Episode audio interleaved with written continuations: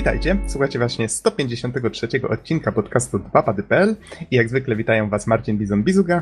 Witam wszystkich słuchaczy. Norbert Geksen-Jarzębowski. Cześć. I Bartłomiej Donsot-Tomycyk.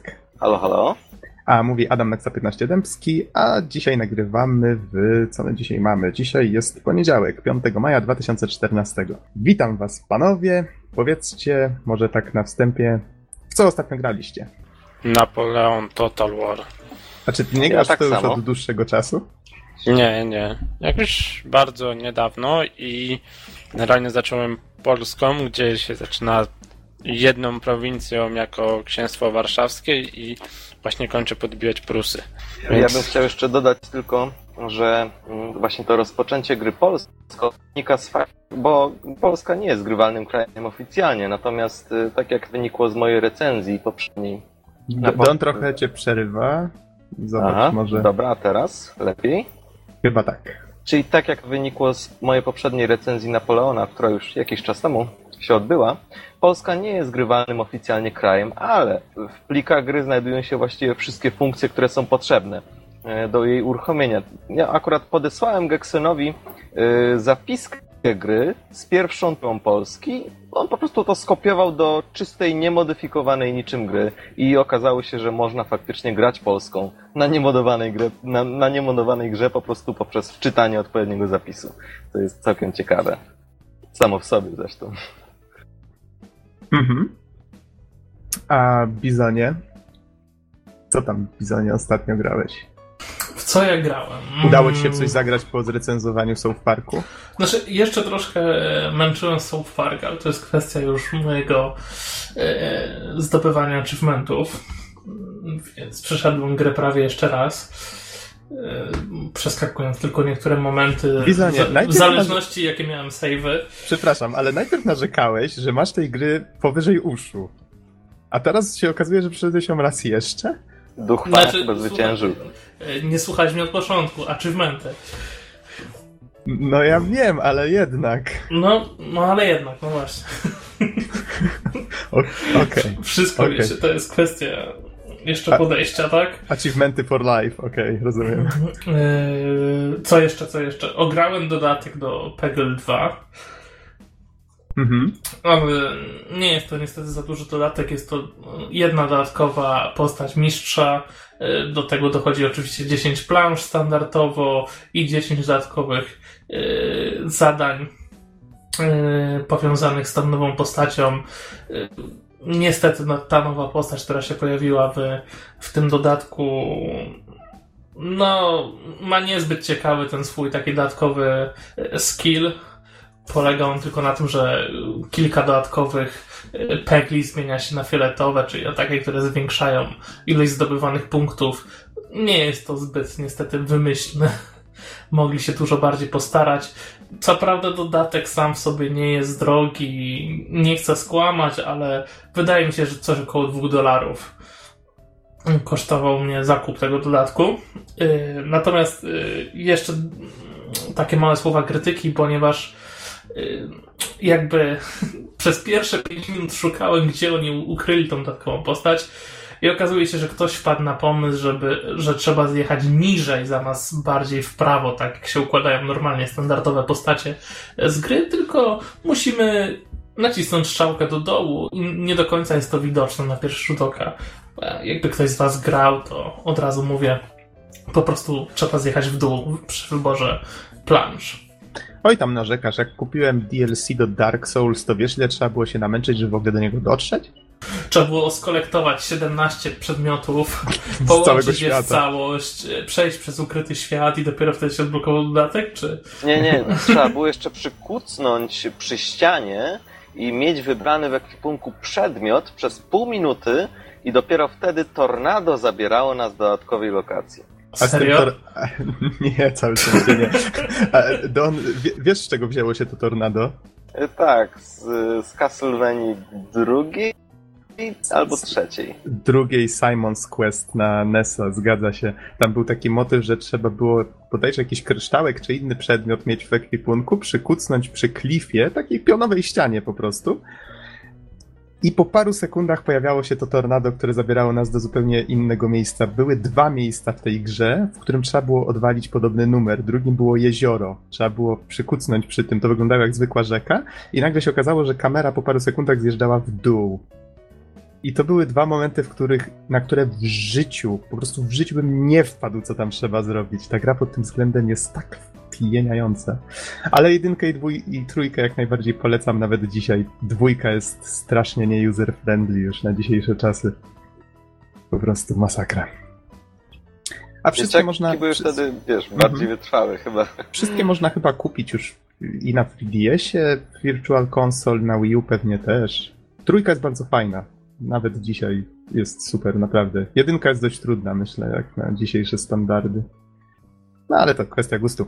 E, tak, tutaj może jeszcze kontynuując odpowiedź na pytanie, tak? Czy Bizon jeszcze coś chciałeś dodać, czy... Niestety nie, niestety nie. A coś bym pograł to... chętnie. to ja, no właściwie ja też nie miałem zbyt dużo czasu, bo miałem wyjazd akurat na majówkę, ale wróciłem ostatnio do. E, już chciałem powiedzieć znowu do Dark Souls. Czemu ja ciągle o tym Dark Souls myślę ostatnio, jak myślę o czymś, co ma dwójkę w nazwie? Bo, Dark Souls Wars... to nie jest gra, tylko to jest styl życia. To, to jest styl życia, tak, bardzo możliwe. A będą dzisiaj newsy o Dark Souls, znaczy właściwie jeden, ale to może nie wyprzedzajmy fakt.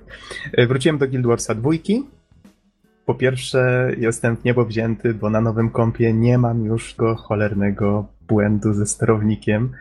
Jeszcze czasami mam to takie wrażenie, to uczucie, że gram, gram, gram i, i, gdzieś tam z tyłu mózgu mam to uczucie, cholera, zaraz się zawiesi, zaraz się zawiesi. I tak się uspokajam, nie, przecież nie może się teraz zawiesić. Więc narobiłem... A jeśli to klątwa? No właśnie... jeśli to nie wina sprzętu? Nabawiłem się tiku nerwowego przez to wszystko ale gra się bardzo przyjemnie, prawie na najwyższych detalach. Właściwie jestem w stanie na najwyższych detalach grę uciągnąć, tylko wiecie, jak tam się pojawi na ekranie 100 graczy czy coś, to cienie czy coś obniżę. Niemniej gra wygląda ślicznie i powiem wam, że sporo się w niej zmieniło tak swoją drogą. Nie będę tu wymieniał wszystkiego, zresztą nie notowałem tych zmian, ale musiałem na przykład w jakichś przedmiotach zmienić statystyki, bo się okazało, że się zmienił sposób dystrybucji niektórych magicznych statystyk. E, pojawił się na przykład nowy interfejs do, do walut. W tej chwili każda postać ma właściwie jeden portfel. Znaczy inaczej, na swoim koncie mam jeden portfel, z którego korzystają wszystkie postacie i wrzucam po prostu do niego te monety czy, czy inne waluty, które są w grze. Na przykład zmienił się interfejs do achievementów, czy to daily, czy monthly, czyli te miesięczne lub dzienne. E, troszeczkę bardziej przejrzyste to jest, pojawiły się nowe nagrody do różnych rzeczy. Ja tutaj nie grałem przez kilka miesięcy, więc może być tak, że dla niektórych to, o czym mówię teraz, może być czymś bardzo oczywistym, ale dla mnie to wszystko było dość, dość nowe, a o niektórych rzeczach po prostu mogłem zapomnieć, to wtedy przepraszam. E, pojawił się też w becie, co prawda, ale, ale działający jak najbardziej system Looking for Group, czyli taki do, do szukania grupy, która ma się wybrać albo na jakiś dungeon, albo albo która właśnie, no, jakąś konkretną aktywność, jeżeli chcemy e, w grupie wykonać, to możemy tam znaleźć osoby, które właśnie szukają na podstawie podobnych kryteriów. I w ten sposób już udało mi się tam jeden czy dwa dungeony odwiedzić. Więc to jest jak najbardziej bardzo fajne, bo wcześniej trzeba było, powiedzmy, pójść do Lions Arch, czyli do tego miasta wszystkich kultur tego nadmorskiego i tam stanąć na środku rynku i wrzeszczeć na całą mapę hey, looking for group, powiedzmy taki taki dungeon. Teraz wystarczy, że piszemy właśnie w ten system, że szukamy do tego i tego i patrzymy, kto, kto szuka czegoś identycznego. Więc jest bardzo fajnie. I chyba najważniejsza rzecz, a propos samego Lions Arch, miasto y, hmm, wyparowało. Tak, trochę. Jej. Pamiętacie, jak wam opowiadałem, że różne nie. eventy miały. Nie pamiętasz, jak mówiłem, że był event na przykład związany z tym, że jakieś morskie stwory atakowały Lions Arch i ludzie potem szli bronić to miasto, albo na Halloween był event, kiedy e, szalony król zaatakował z innego wymiaru Lions Arch. No, różne dziwne wydarzenia były związane właśnie z tym miejscem. W końcu I... mieszkańcy tego miasta stwierdzili, że dziękuję za taki interes. Złożyli samokrytykę i zrównali je z ziemią. Prawie. już kiedyś mówiłem, że bardzo mi się podoba to, że świat sprawia wrażenie, jakby ewoluował i żył. Bo na przykład w tym Lions Arch ciągle coś się działo. Albo po jednym ataku zniknęła latarnia morska. Po powiedzmy miesiącu zaczęła być odbudowywana. W innym momencie właśnie po Halloween zniknął pomnik na rynku, bo tam w wyniku innych wydarzeń. W tej chwili nie śledziłem dokładnie ścieżki fabularnej, ale to był długi scenariusz, który toczył się przez kilka miesięcy. I on doprowadził do tego, że miasto zostało zaatakowane przez niejaką Scarlet. Nie wiem dokładnie jak to się działo, ale, ale jakieś olbrzymie machiny w każdym razie tam pracowały, wierciły i, i w tej chwili z miasta właściwie zostało tyle co nic, same gruzy. I to jest takie trochę ciekawe uczucie. Wracasz do gry po paru miesiącach, tak patrzysz i wow, całe Lions Arch zrównane z ziemią. Trochę mnie nie było i chyba coś mnie ominęło. No więc to, to jest fajne uczucie. Muszę przyznać, że, że cieszę się, że ta gra się rozwija w takim kierunku. Dużo rzeczy się A, zmieniło potem, w każdym razie wiesz, na plus. Wracasz do, wracasz do gry, pytasz, co tam w Lions Arka? Wszyscy się na ciebie obracają. w każdym razie, wiesz co?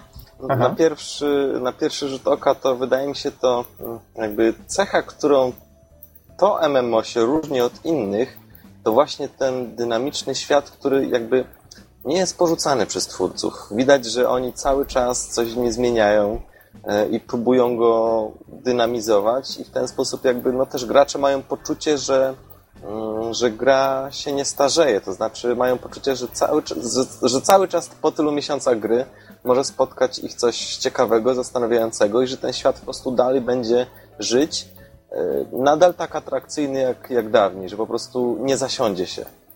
Mhm. Ja, ja, to co prawda nie czuję się odpowiednią osobą do komentowania tego, czy wiesz, czy to faktycznie jest tylko tak w mhm. Guild Warsie 2, czy nie, bo widziałem już takie rzeczy w innych e, MMO. Myślę, że jakbyśmy Rezila zaprosili, o, to by rozwiał nasze wątpliwości.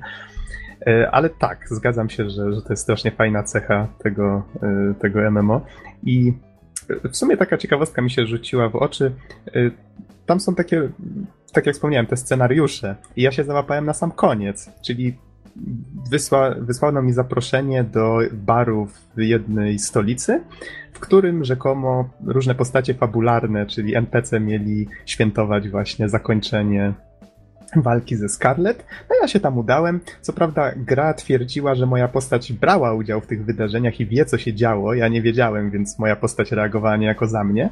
Ale spodobała mi się jedna rzecz. Wszedłem tam dwoma swymi postaciami. W tej chwili mam już trzecią. I jedna z moich postaci kojarzyła jedną postać fabularną z jakichś wcześniejszych wydarzeń. I faktycznie tamta postać przywitała ją tak, jakby się już znały. Z kolei ta druga nie tą drugą ta postać dopiero przywitała i powiedziała, o cześć, jak się nazywasz? I, I, to w sumie też taki ciekawy detal. Myślałem, że twórcy nie dbają aż o takie szczegóły, a tutaj w sumie się mile zaskoczyłem. Ale to tak, to jest w sumie już takie trochę wchodzenie w szczegóły. W każdym razie, jeżeli ktoś się zastanawiał, co tam się w Guild Warsie działo, to jak najbardziej wszystko idzie w dobrym kierunku. To tyle może... Czyli po staremu, można powiedzieć. tak, czyli po staremu. No okej, okay, panowie, myślę, że możemy w takim razie przejść do newsów. Dzisiaj znowu skromnie, bo tak przez majówkę chyba nikt z nas nie miał szczególnie czasu śledzić, co się dzieje. No wiesz, skromnie, nieskromnie, ale trzeba wspomnieć o niewątpliwym hicie tego A, poczekaj, okresu, czekaj, Je, jest... jeszcze nim wspomnisz o hicie, dwie premiery chciałem tutaj tylko o, powiedzieć. come on, Call of Duty nie może czekać. O, no dobra, niech ci będzie. Wal z Call of Duty. Będzie nowy Call of Duty. A to ci niespodzianka. Też się e... tego nie spodziewałem. W sumie to nikt się tego nie spodziewał. To, to może to, tak jakby ja... koniki morskie, to tak jakby koniki morskie przejęły władzę nad światem. Zupełnie niespodziewane. Tak, Alliance Arch zostało zburzone. Aha, już to A widzę. W jakim świecie będzie osadzone to nowe Call of Duty, bo to no właśnie, mnie ciekawi. widzisz, to jest dosyć e, ciekawa sprawa, dlatego że z Black Ops 2, jak pamiętamy, e, twórcy zaczęli eksplorować wątek wojen przyszłości, to znaczy opartych na wszelakich gadżetach, e, dronach bezzałogowych itd., tak itd., tak czyli wszystkie te, tego typu sprzęty e, naprawdę mocno były używane. Potem znowuż w Ghosts e, nastąpił mocny zwrot, to znaczy nadal mieliśmy przyszłość, ale Stany Zjednoczone zostały z jednej strony zniszczone, z drugiej większość tych wszystkich gadżetów też była niedostępna. Wygląda na to, że twórcy stwierdzili, że, mm, że zbyt mocno eksplorowali właśnie tego wątku wojen przyszłości opartych na tych wszystkich nowych technologiach. Postanowili więc zrobić Advanced Warfare. Motherfucker. Nie? I całość polega na tym, że mm, mm, ja, oczywiście jakby, Motherfucker jak nie jest zostało podtytułu. No, oczywiście, że jest. Akcja dzieje się no, w tak zwanej wiarygodnej przyszłości. To znaczy nadal mamy Stany Zjednoczone klasyczne, I, I oczywiście żołnierzy, którzy tym razem wykorzystują znacznie większą gamę e, przeróżnych nowoczesnych sprzętów, jakieś, jakieś motocykle, które mogą e, lewitować nad powierzchnią, pancerze, które pozwalają na skakanie wyżej Crisis, albo na przykład tak, na tak, wspinanie tak, się. Więc, więc widać, że po prostu chcą położyć nacisk na, na te wojny przyszłości z użyciem tych wszystkich nowych gadżetów, co zresztą bardzo zostało mocno podkreślone pod, e, w trailerze i wydaje mi się, że, że no, cech, mocną cechą Call of Duty jest to, że za każdym razem starają się, e, starają się umieścić gracza w trochę innym środowisku. Za każdym razem trochę inaczej podejść e, do tematyki walek, walki i do techniki walki. Oczywiście gameplayu gra się nie różni zbyt bardzo, ale cała ta otoczka, na przykład, nie wiem, wojna przyszłości, czy wojna partyzancka w Ghosts, e, może, może jakby zmieniać zupełnie klimat i wpływać też na wyobraźnię grary. Więc, więc wydaje mi się, że Advanced Warfare e, jest całkiem niezłym krokiem, chociaż, e, chociaż ten już był poruszany w Black 2. No nic, oczywiście jak zwykle czekamy i jak zwykle pewnie będziemy grać i przetestujemy i pewnie zrecenzujemy. No ale no cóż, to jest Call of Duty i pewnie jeszcze długo, długo będzie nam towarzyszyć. Znaczy, mhm. można w sumie tak dorzucić, że w tym nowym Call of Duty chwalą się e, mimiką postaci i ich twarzami, nie? Coś mi się tak kojarzy, e, że będą bardzo, bardzo szczegółowe. Ciekawe tylko, jak to w rzeczywistości będzie wyglądać, a jaka będzie różnica pomiędzy trailerami a rzeczywistą rozgrywką. Ja myślę, że nie będzie aż taka duża. Z kolei tutaj, skoro już o tym wspomniałeś, warto jeszcze dodać, że e, zatrudniono, zatrudniono aktora Kevina Spacey'a, czy Spacey, Spacey'a chyba. E, na pewno kojarzycie go z wyglądu. Ja od razu go rozpoznałem, jak tylko zobaczyłem zwiastun i wydaje mi się, że to już ten, sam fakt, że można rozpoznać znaną osobę na ekranie, to już świadczy o tym, że jest nieźle. Chociaż, no, powiedzmy sobie szczerze, taki poziom to już osiągnięto dość dawno temu w grafice komputerowej w grach, więc... Nie jest za szczególnie dobrze. Ja powiem ci, że od razu nie rozpoznałem go. Znaczy, nie? Przypominał mi kogoś, ale, ale nie byłem pewien, czy oni chcieli bazować na tym aktorze, Aha. Czy, czy, czy po prostu jest to taka postać. No, ciekawe, ja, ja nie miałem wątpliwości, jak go ujrzałem, no ale to może. A właśnie, to czekajcie, jeszcze skoro jeszcze mówimy na ten temat, to może Aha. warto wspomnieć, że Advanced Warfare, motherfucker, bo na pewno pojawi się tryb kooperacji, ale na razie oczywiście nieznane są szczegóły na jego temat, chociaż szczerze powiedziawszy całość zapowiada się całkiem interesująco. Ko? Call of Duty? Tego jeszcze nie było. Cecha, która, e, która zapewni grze pewną świeżość w połączeniu z nowym setupem. No, zobaczymy. W każdym razie wydaje mi się, że, że jest to całkiem coś ciekawego. Nie było mhm. wcześniej. Nie było takiego koopa, jak rozumiem, y, w którym można było kampanię przechodzić wspólnie, tak? Mhm. Tak, tak, nie było czegoś takiego.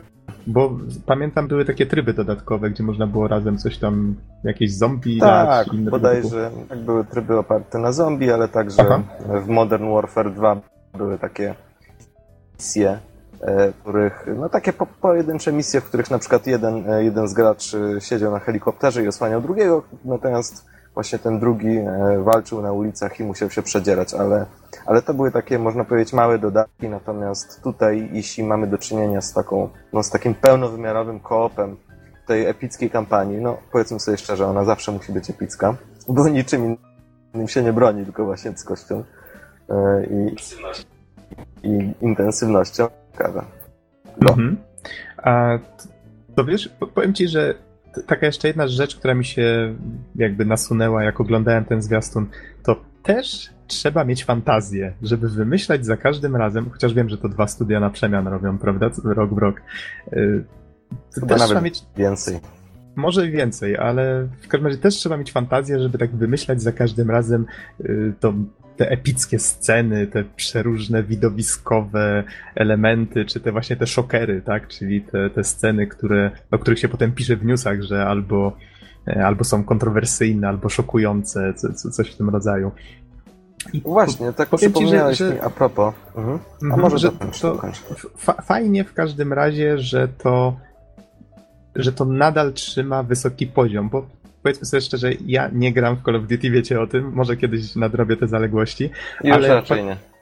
Już raczej nie. Ale jak patrzę na ten zwiastun, to y, mam takie wrażenie, jakbym faktycznie oglądał zwiastun film z takiego wysokobudżetowego filmu akcji, po którym wiem, czego się spodziewać. Że jakbym chciał iść do kina, to po to, żeby zobaczyć jakąś super rozwałkę, pobawić się jakiś czas i okej, okay, wyjść, zapomnieć.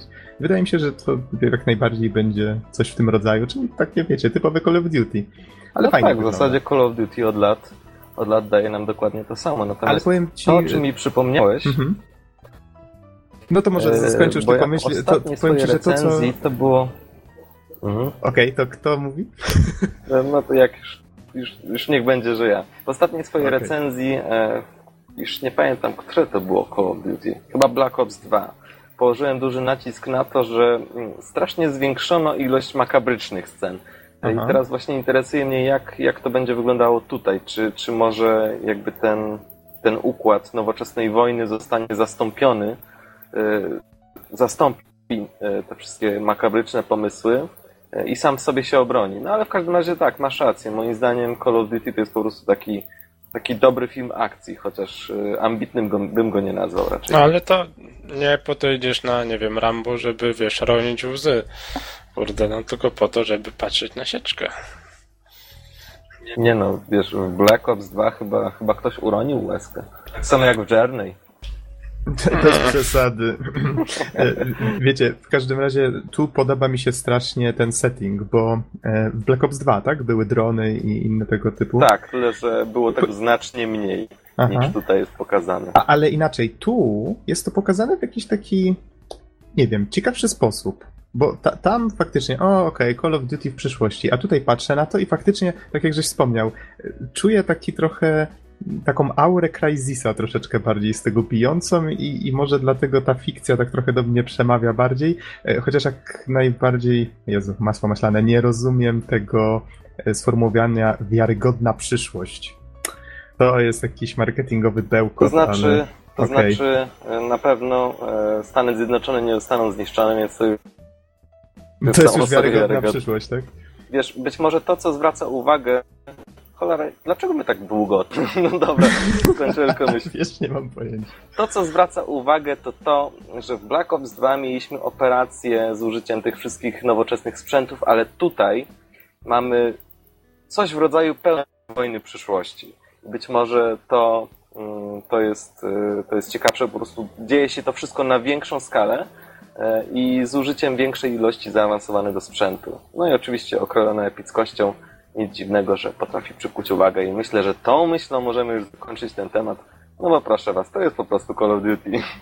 Okej, okay, niech będzie. W takim razie dodam tylko 4 listopada tego roku, PC, PS4, Xbox One i prawdopodobnie, cytując Eurogamer.pl, także na PS3 i Xbox 360, koniec cytatu. I Wii U. E, nie podano. Przykro mi. A Wii U. A, a, nie, a, a, a tak serio, to, to ja grałem w Call of Duty głównie na Wii U, dlatego że tam był ten koop na dwie osoby. Multi mhm. i nie, w sumie w kompanii nie było. Ale jedna osoba mogła sobie grać na telewizorze, druga na gamepadzie, to się świetnie sprawdzało, więc trochę smuteczek jak dla mnie, że nie będzie wychodzić na Wii U. Mhm. No i tyle. Od siebie dodam, że jeżeli ktoś chce zagrać w taką grę, w której wojna faktycznie jest pokazana w taki sposób, no też trochę fantastyczny, chociaż bardziej science fiction fantastyczny, nie wiem jak to ująć, ale też dramatyczny, to niech zagra w Metal Gear Solid 4, czy, czy w ogóle w serię Metal Gear, no to, to jest, ja to jest inny film. Tam armę, trójeczkę. A, no tam to jest symulator, prawda?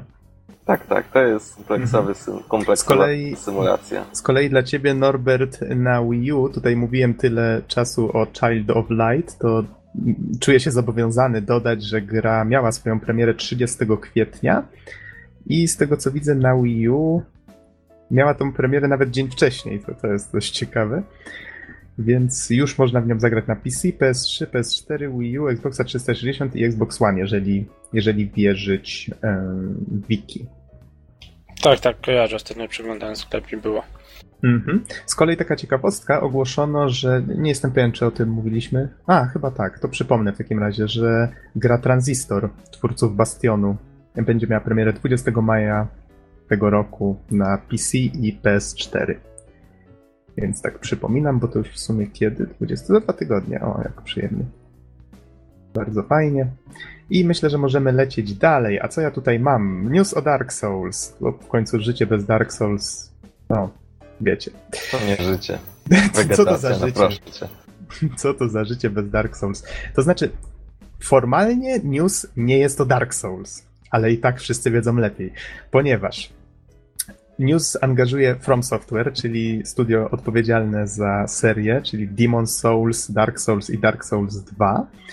I no właśnie, pojawiły się obrazki, screeny słabej jakości, które wyglądają albo jak z jakiegoś prerenderowanego filmiku, albo jak z jakiejś gry nowej generacji. I mówi się, że Japan Studio należące do Sony współpracuje właśnie z From Software i Hidetaka Miyazaki, czyli producent e, pierwszego Dark Souls i Demon Souls, on nie brał udziału przy pracach nad dwójką, o czym było wiadomo. I teraz się spekuluje właśnie, że on współpracował właśnie z Sony, żeby stworzyć mm, prawdopodobnie kontynuację Demon's Souls, yy, tylko że na PS4. Bo przypomnę, że Demon's Souls nadal jest ekskluzywem na PS3. Z kolei Dark Souls już wyszło na PC, wyszło y, na Xboxa 360 też. No, Tutaj mam, mam nadzieję, że się nie mylę. Słucham? Słucham do? Na Noxa. Na Noxa. Na... Okej. Okay. I don't get the joke, ale okej. Okay. E, to, co opublikowano teraz, mm, na, tutaj na, na tych screenach widać. Ale to pro... mówisz o Project Beast, tak? Tak, właśnie chciałem to powiedzieć, że to o, zostało nazwane Project Beast. Widać tę nazwę, logo właściwie na, na screenach. Jest poddane. Ale że tutaj... wiesz, właśnie są, są spekulacje toczone, czy to w ogóle nie, nie, jest, nie jest. Czy to nie są screeny z jakiegoś trailera, który po prostu nie został opublikowany, dlatego że są zbyt wysokiej jakości. Tak, to się już, już kontynuując historię, to się po raz pierwszy pojawiło na Forczanie. Wśród tych screenów jest właśnie jeden, który ma logo Project Beast Working Title, więc widać, że to jest tytuł roboczy. Przypominając, y, Dark Souls 1 miał nazwę roboczą bodajże Project Dark, więc y, to od razu coś tutaj jakby mm, łączy się tak podświadomie już. Można, oczy... Souls. można oczywiście tutaj, znaczy nie jestem pewien, czy to na Forczanie się pojawiły te screeny, czy, czy później na, na NeoGAF, ale w każdym razie gdzieś wypłynęły nagle niespodziewanie. Bardzo możliwe, że to jest po prostu niekontrolowany przeciek z jakiegoś filmiku, który być może ma być zaprezentowany na E3, bo przypomnijmy, że E3 już za, za miesiąc, czyli tam chyba 10 czerwca się zaczyna, czy jakoś, jakoś tak w tym roku. No, jeżeli jeżeli faktycznie by tak było, to trochę szkoda, że niespodziankę żeśmy stracili, ale jednocześnie ja myślę, że jest duża szansa, że to faktycznie jest jakiś, jakiś kolejny następca, następca serii. Nieważne, ja... czy Demon Souls, czy Dark Souls, czy coś innego. Ja nie wiem, czy to jest trochę niespodzianki, no bo to jest takie... Ja bym powiedział, że to jest w sensie takie nieostre screeny z plotkami. To jest to raczej takie zaostrzenie apetytu niż, niż główne danie, nie? No niby tak, ale z drugiej strony po tych screenach widać tutaj na przykład gościa wchodzącego we mgłę e, w drzwiach. Tutaj taki motyw, który się typowo z serią Souls właśnie kojarzy. Czy, czy, czy w ogóle wszystkie te screeny mają taki mroczny klimat? Są w klimacie, o, że tak to ujmę. I co prawda pojawiają się spekulacje, że być może to jest jakiś żart, ale myślę, że nikt by sobie aż, aż tyle trudu jednak nie, tutaj, wiecie, tyle pracy by w to nie włożył, żeby sobie głupi żart jednak zrobić. Za, za dużo mocy przerobowej tutaj widać. No i jedyna rzecz, której się boję, to to, że to faktycznie będzie, a prawdopodobnie tak, e, ekskluzyw na PS4, bo to by znaczyło, że będę musiał myśleć o kupnie. Niestety, czy stety. Albo poczekać. jakiś czas. A my, myślę, że nawet jeżeli to będzie kolejny Souls na, na PS4, to raczej nie prędko go ujrzymy, to przynajmniej tak zgaduję. Obstawiałbym, że może do końca tego roku, może początek przyszłego, więc jeszcze dałbym sobie trochę czasu na, na zastanowienie się nad tym. No ale to są na razie tylko spekulacje, tak? Tutaj oczywiście muszę podkreślić.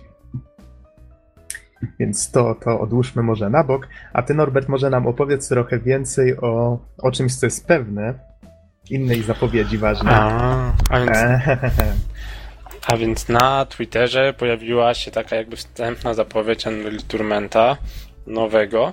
E, mianowicie pojawił się taki wpis, e, że w bodajże czwartek, dobrze pamiętam? Chyba tak. E, zostanie zaprezentowany zostaną zaprezentowane możliwości Unreal Engine'u i przyszłość serii Unreal Tournament.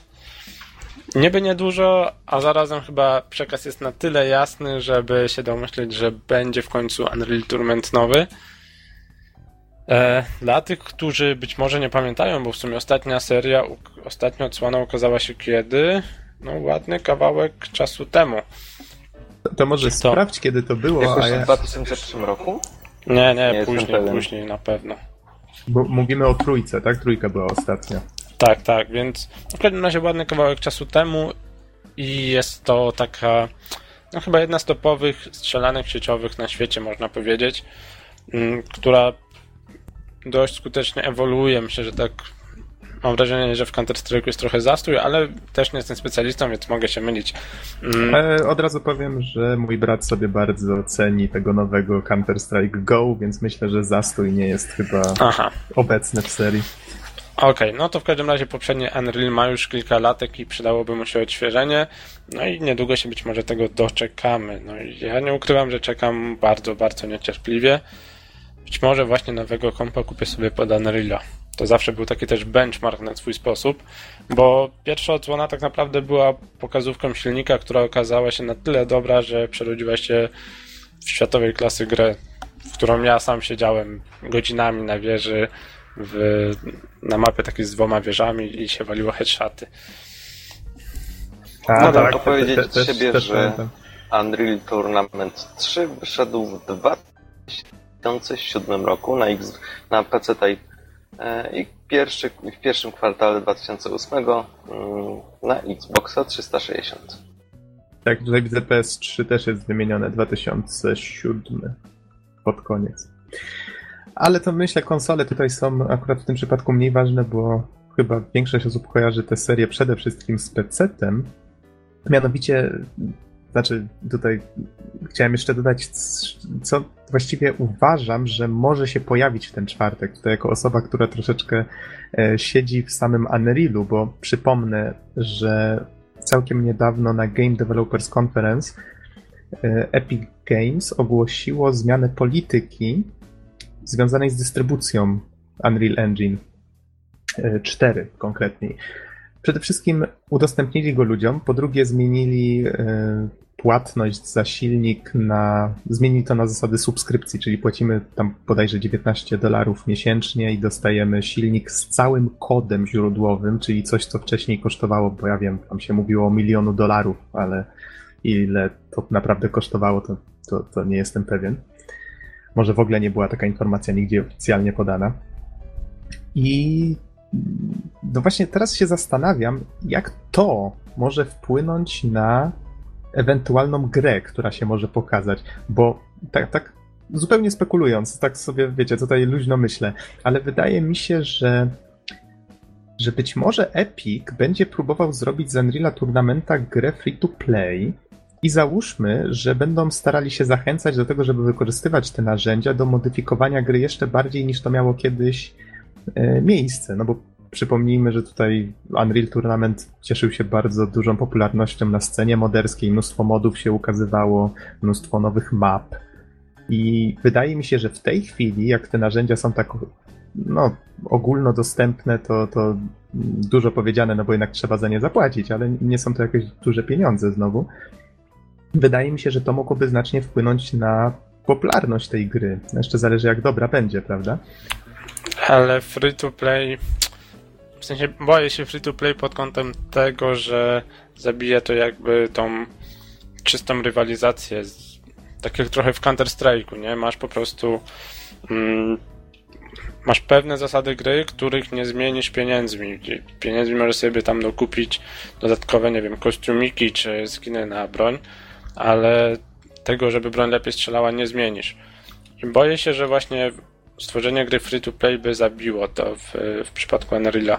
Mhm. A, a okej, okay. a załóżmy, że tak dalej tutaj idąc w te spekulacje, a załóżmy, że twórcy na przykład chcieliby czerpać główne zyski na przykład z silnika, czyli zachęcać ludzi do tworzenia map albo nowego kontentu. O, a propos o kontencie mowa. Yy, przecież Valve czerpie olbrzymie zyski prawdopodobnie z Team Fortress 2, w którym przecież handlują czapkami i innymi tego typu rzeczami. I mało tego, oni zachęcają community do tego, żeby tworzyło i sprzedawało przedmioty. I ci ludzie, którzy robią te przedmioty, oni też na nich zarabiają. Czyli Valve bierze prawdopodobnie sobie jakiś procent z tych zysków, ale jednocześnie zachęca ludzi do tego, poświęcajcie swój czas, możecie robić graczom czapki, jakieś bronie i tym podobne i też na tym zarobić. Tak, tylko Valve ma do tego platformę. No, zobaczymy, zobaczymy. No, jestem ciekaw też, co zrobią, nie mówię, że nie, bo z jednej strony jestem ciekaw, czy tak zrobią, z drugiej trochę się tego obawiam, nie? Za, zarazem. Poczekamy, zobaczymy. Mhm. Jeżeli chodzi o samą grę, to ja trochę się boję ilości detali. Wiem, że to brzmi dziwnie, ale Unreal Tournament 3 mi z kolei tak średnio podpasował, bo zawsze uważałem, że w tej grze jest za dużo szczegółów. Nie wiem, może jestem jakiś taki zbytnio oldschoolowy w tych Unrealach, bo ja pamiętam jeszcze te starsze. Nie no wiesz, starym dobrym, takie... starym dobrym, słuchaj, w starym dobrym 2001 roku widać było gigantyczną teksturę, która była podłożem jakąś figurkę, która była wrogiem. I od razu była zupełnie jasna, tak samo jak y, w Operation Flashpoint z tego roku. Natomiast kiedy przesiadłem się na dwójeczkę armę, y, no to ilość detali była tężna, że w zasadzie nie było wiadomo czego szukać mapie, gdzie w ogóle jest przeciwnik. Także mogę powiedzieć, że to rozumiem.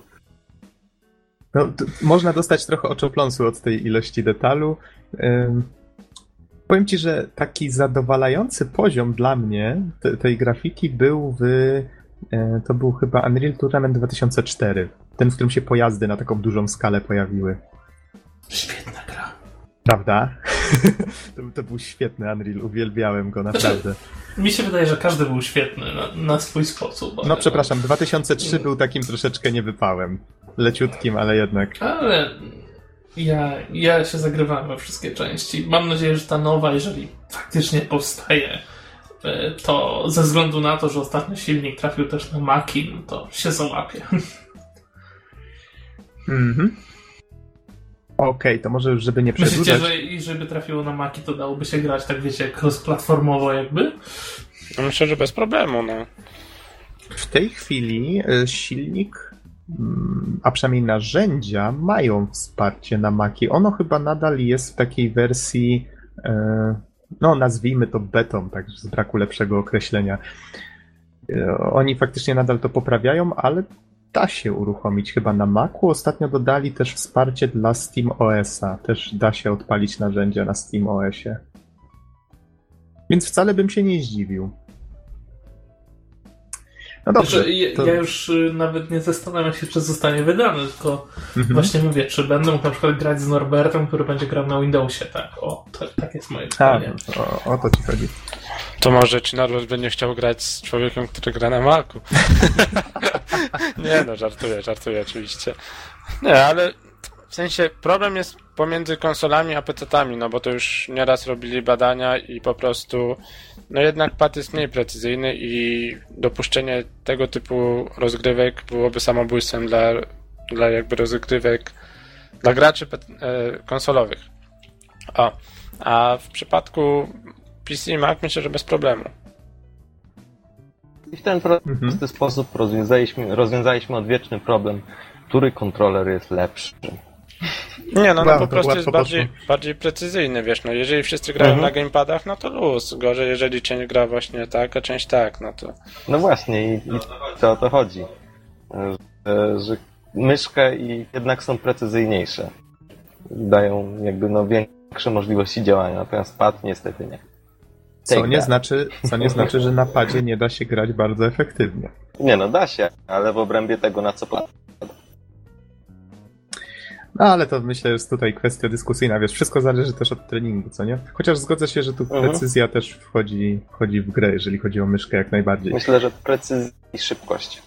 Myślę, że myszka Aha. jest szybsza. Możemy na przykład szybko się odwrócić e, i, i precyzyjnie uderzyć. Ale oczywiście wszystko jest kwestią treningu, wszystko jest kwestią przyzwyczajenia i tak dalej, i tak Mhm. dalej.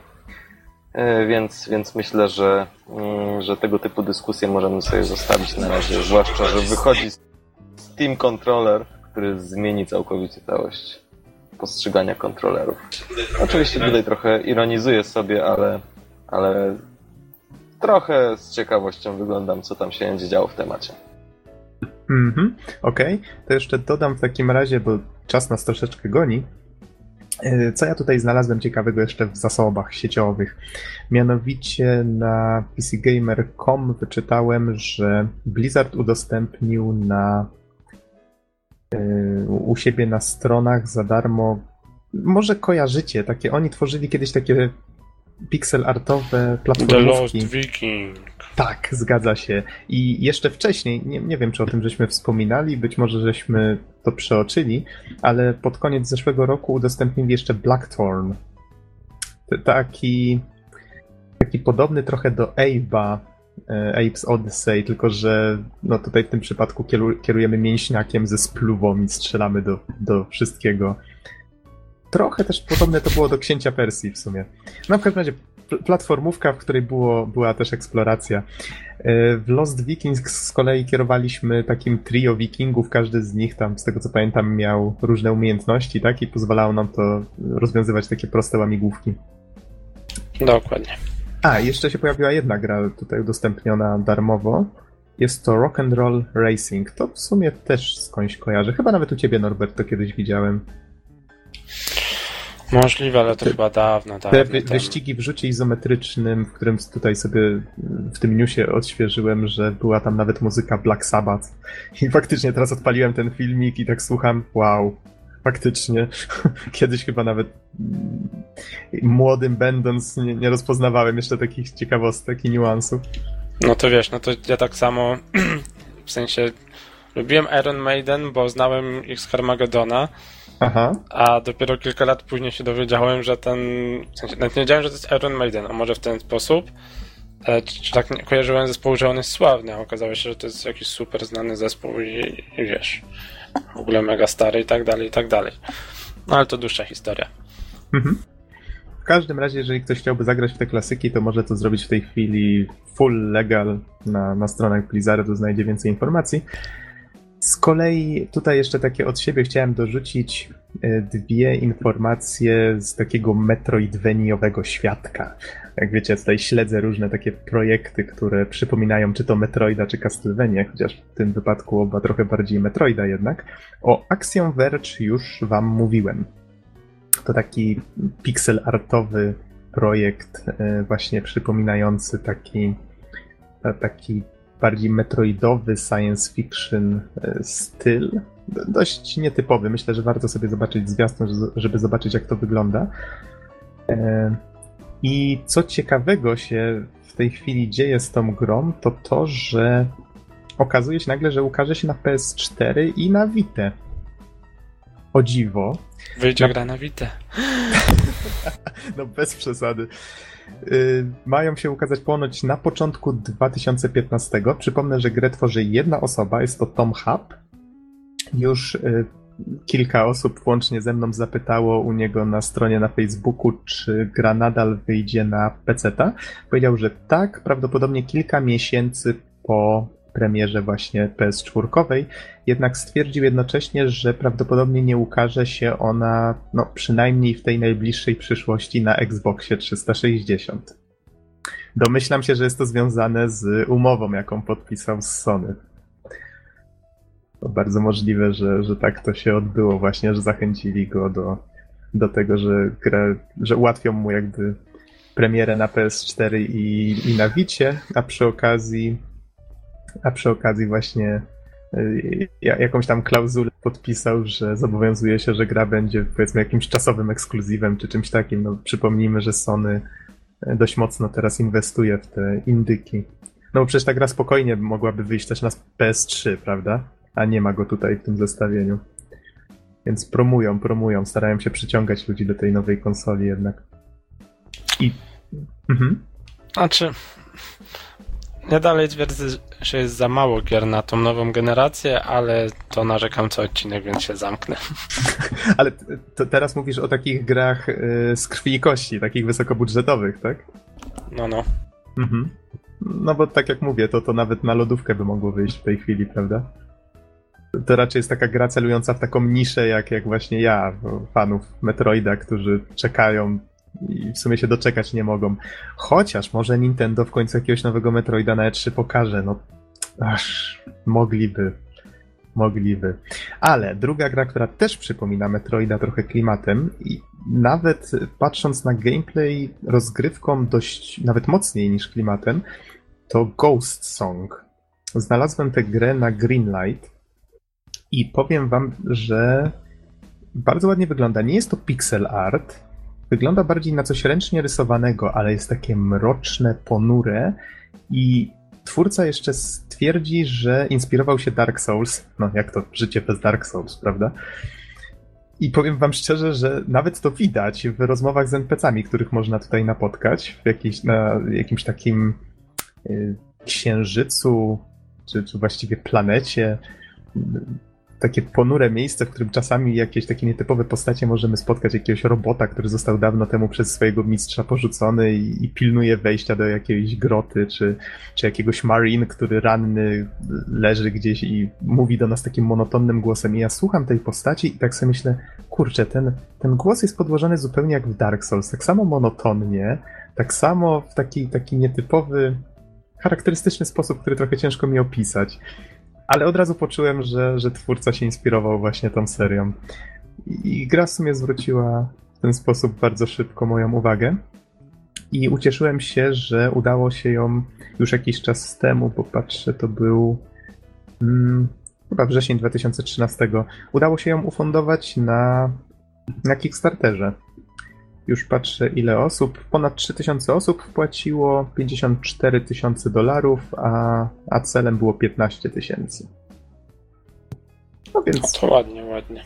Więc fajnie. Ja czekam, polecam zobaczyć. Jeżeli ktoś, ktoś też lubi takie klimaty, myślę, że, że warto się zainteresować. Tutaj trochę szkoda, bo twórca zapowiedział, że gra ma szansę ukazać się na Wii U, a przynajmniej by, by się tak starał, gdyby 60 tysięcy udało się uzbierać. Niestety się nie udało, ale może jak gra niesie sukces. No, zobaczymy. To tak a propos gier na Wii U, tak, Norbert? Haha. Haha.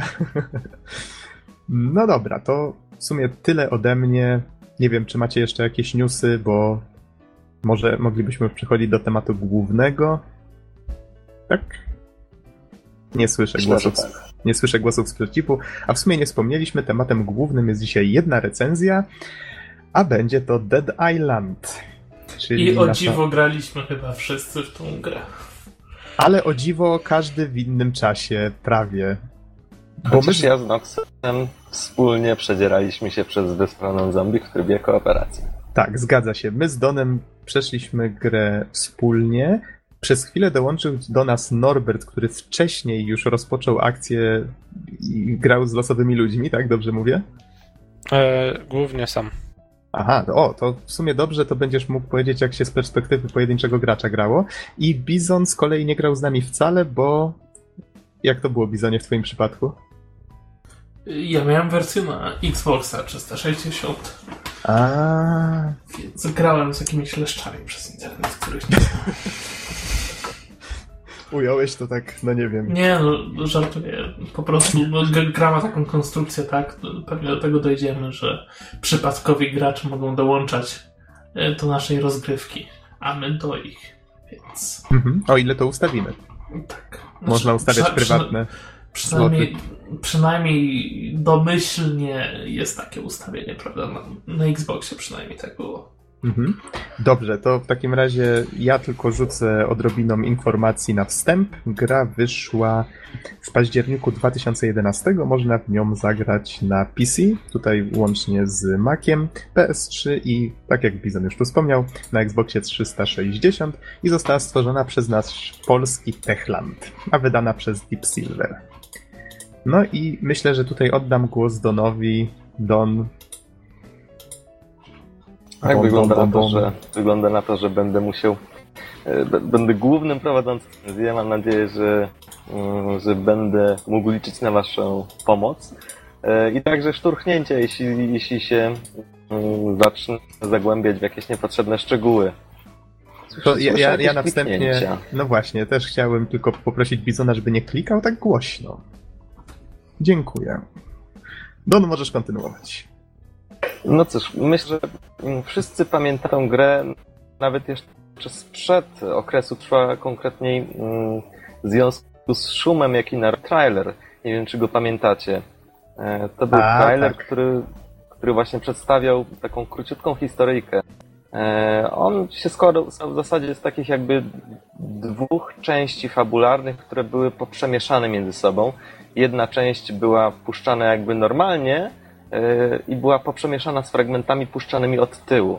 I te fragmenty puszczane od tyłu, od tyłu pokazywały mnie, między innymi to, jak, jak dziewczynka zamieniona w zombie wypada przez okno. Zostaje w zasadzie zostaje wyrzucona przez okno przez No, swojego to- ojca. Tu, tutaj właściwie spaliłeś troszeczkę. mogę też, mogę tu- też powiedzieć, że Goat Simulator e, stos, po prostu zain, zainspirował się tym trailerem i w miejsce tej dziewczynki wstawili kozę. Autorzy tej gry. No, narobili, Don, troszeczkę cię przerywa. wspominałem, o czym wspominałem ostatnio. Niestety wiem, troszeczkę jest problem z internetem, mam nadzieję, że nie aż tak źle. Gdzie mnie zgubiliście? Na którym To, troszeczkę, troszeczkę jak opowiadałeś o zwiastunie i wspominałeś o tym, że twórcy Goes, Goat Simulator e, podstawili pod dziewczynkę kozę. I, e, ogólnie zwiastun był na tyle dobry, że się trochę zakorzenił tak, w, w ostatnich jakichś tam, czy to parodiach, czy innych tego typu popkulturowych sprawach. Mhm. Reasumując. Na dobrą sprawę wywołał oryginalny trailer oczywiście także całą masę szumu. Nawet y, jed, jed, jedna z osób y, się wypowiadała z branży bodajże, czy, czy jakiś dziennikarz, że, że sam posiada córkę i, i że po prostu ten trailer go zaszokował, że czegoś takiego po prostu nie powinno się wdrażać, nie powinno się przedstawiać. No w każdym razie y, na pewno twórcy otrzymali ten efekt, na który liczyli, czyli po prostu szum. Natomiast sam trailer zapowiadał, że gra będzie stosunkowo głęboka, że wreszcie pokaże apokalipsę zombie pod kątem dramatu ludzkiego, pod kątem właśnie ludzi, którzy próbują przetrwać i rozpaczliwie walczą o życie. To mi się oczywiście kojarzy z The Walking Dead, e, The Game, która zresztą robi to w doskonały sposób. Natomiast no nie, no właśnie nie. E, Gra niestety nie wygląda tak. Mhm. I, e, I można powiedzieć, że jest pewien dysonans. To znaczy, z jednej strony, e, co zresztą będzie się przewijało podczas całej recenzji, z jednej strony e, gra sugeruje nam na przykład e, pewne takie sytuacje, pokazuje, albo, albo w dialogach to wynika, że naprawdę ci ludzie przeżywają coś strasznego. Natomiast z drugiej strony to kłóci się z koncepcją e, takiej gry, w którą po prostu fajnie się gra. I w zasadzie ta sprzeczność będzie widoczna przez całą, e, przez całą produkcję. Zresztą myślę, że będzie się to pojawiać także przez, przez całą naszą recenzję, kiedy będziemy wynikać pewne, pewne sytuacje i, wychodzą, i wychodzić będą pewne sprzeczności. Mhm. Tutaj dodam tylko taką informację, że pamiętam, że w newsach twórcy, czy w jakichś wywiadach twórcy się tłumaczyli, że ten zwiastun był tworzony przez zewnętrzne studio, no jak to z reguły bywa, y, chyba z Wielkiej Brytanii, o ile dobrze pamiętam. No i tutaj, wiecie, jakby ich koncepcja troszeczkę tutaj odbiegła, no chociaż filmik faktycznie, tak jak wspomniałeś, robił wrażenie. Czy wiesz, moim zdaniem to jest y, słabe wy, wytłumaczenie, dlatego że no, jeśli zleca się zrobienie traileru czy jakiegoś filmiku, filmiku e, innej firmie, no to się wytycza jasno, co w tym filmiku ma być, jaki ma być jego charakter. Ale, ale tak dla ciekawostki, zanim jeszcze do konkretnej recenzji, możemy wspomnieć, że e, wersja kolekcjonerska gry właśnie w Wielkiej Brytanii y, posiadała ten korpus ciała kobiety przemienionej w zombie. Nie wiem, czy pamiętacie. Myśmy wspomnieli o tym w odcinku, w którym gościł u nas Sos Sosowski.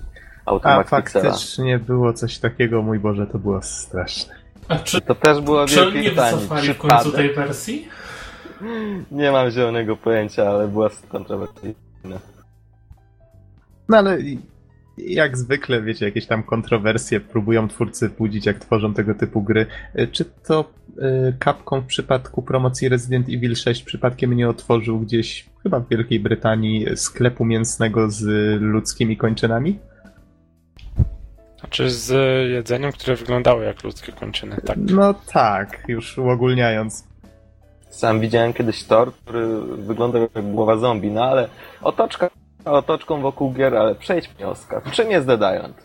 E, Na dobrą sprawę mm, w ogóle całe, całe gry jest dosyć nietypowy, dlatego że mm, gry traktujące o apokalipsie zombie charakterystyczne są na przykład dla jakichś miejskich klimatów e, czy przedmiejskich. Tutaj natomiast mamy, e, mamy właściwie cała akcja się na tropikalnej wyspie o nazwie Banoi, na której zresztą znajduje się bardzo drogi kurort turystyczny. Zresztą na tym kurorcie znajduje się cztery, e, czwórka głównych bohaterów, e, która potem będzie brać udział w akcji. E, Pokazaną taką dosyć ostrą imprezę, podczas której coś poszło nie tak. Już widzimy pierwsze jakby sygnały, że coś tu się dzieje nie tak. Jakieś dziwne, niewytłumaczalne ataki osób, które też zachowują się jakoś jakby byli chorzy na przykład. No i oczywiście gra zaczyna się w momencie, kiedy skacowany główny bohater wstaje i no cóż, zaczęła się apokalipsa zombie. Bywały imprezy, które kończyły się w gorszy sposób, więc, więc chyba można to przyjąć do wiadomości w jakiś sposób. E, Natomiast e, wkrótce potem ujawnia się no, pewien tajemniczy głos, e, który, mm, który po prostu podpowiada bohaterowi, co robić. Czyli na przykład przez głośniki w windzie mówi mu na przykład, że to są zarażeni, ich unikaj, biegnij w to miejsce, biegnij w tamto miejsce, uważaj na siebie. I ten głos, można powiedzieć, przez większość gry, w zasadzie przez całą, gdzieś tam się, e, gdzieś tam się przewija, zresztą potem, potem ma wielkie znaczenie. Co jest istotne jeszcze, główny bohater jest odporny na zarazę, czyli bez względu na to, że zostanie ugryziony, e, po prostu nie zamieni się w zombie, co zresztą sprawia, że, że na dobrą sprawę jest jednym z nielicznych e, aktywnych podmiotów w grze. E, No i cóż, w trakcie fabuły na dobrą sprawę sprowadza się do tego, że przede wszystkim pomagamy na różne sposoby e, okolicznym grupom ocalałych. No i oczywiście chcemy wydostać się z piekła, e, jakim stała się wyspa Banoi. To tyle jeśli chodzi o fabułę. Nie wiem, Nox, może Mhm. też jesteś świeżo po, po ukończeniu, być może pominąłem coś. E, Znaczy, to, to warto po to- prostu dodasz. Mhm. Warto tutaj uściślić, że zrobiliśmy sobie dość długą przerwę grając w grę, czyli przeszliśmy dość spory jej fragment, a potem właściwie ostatnie kilka godzin, tak po ilu? Po dwóch miesiącach przerwy? Tak, Więc- i wskoczyło nam, mm, wskoczył nam achievement ile dni później, bodajże, że- który polegał 20 na tym, że, 28 że dni było, później. Mhm, że trzeba było po, po prawie miesiącu uruchomić grę ponownie. To jest chyba nawiązanie swoją drogą do jakiegoś e, filmu właśnie z Mhm. zombie. E, ale już wracając do tego, tak tylko mówię o tym na, na tej zasadzie, że sporo szczegółów mogło mi wypaść z głowy, ale jeżeli chodzi o samą fabułę, nim tutaj przejdziemy do gameplayu, e, to jest właśnie ciekawe, że wspomniałeś, że główny bohater, bo ja z kolei, ja tak, tak sobie myślałem, okej, w grze są cztery postacie, tylko kim one były? Ja dopiero po przejściu całej gry się zastanawiałem, kim były te cholerne postacie. Musiałem zajrzeć teraz na wiki, przypomnieć sobie, jak się nazywały i kim były. Mimo, że ją przeszedłem, mimo, że znam fabułę. Więc Wiesz, na dobrą to, sprawę to ja pamiętam, świadczy. ja pamiętam tylko Logana, który wcześniej był, grał, w jakim, jakimś sporcie brał udział, ale w sumie zapamiętałem go głównie dlatego, że wspominałem, wspomniałem o nim raz w mojej magisterce. Innych Wow, postaci jakie y, wyróżnienie.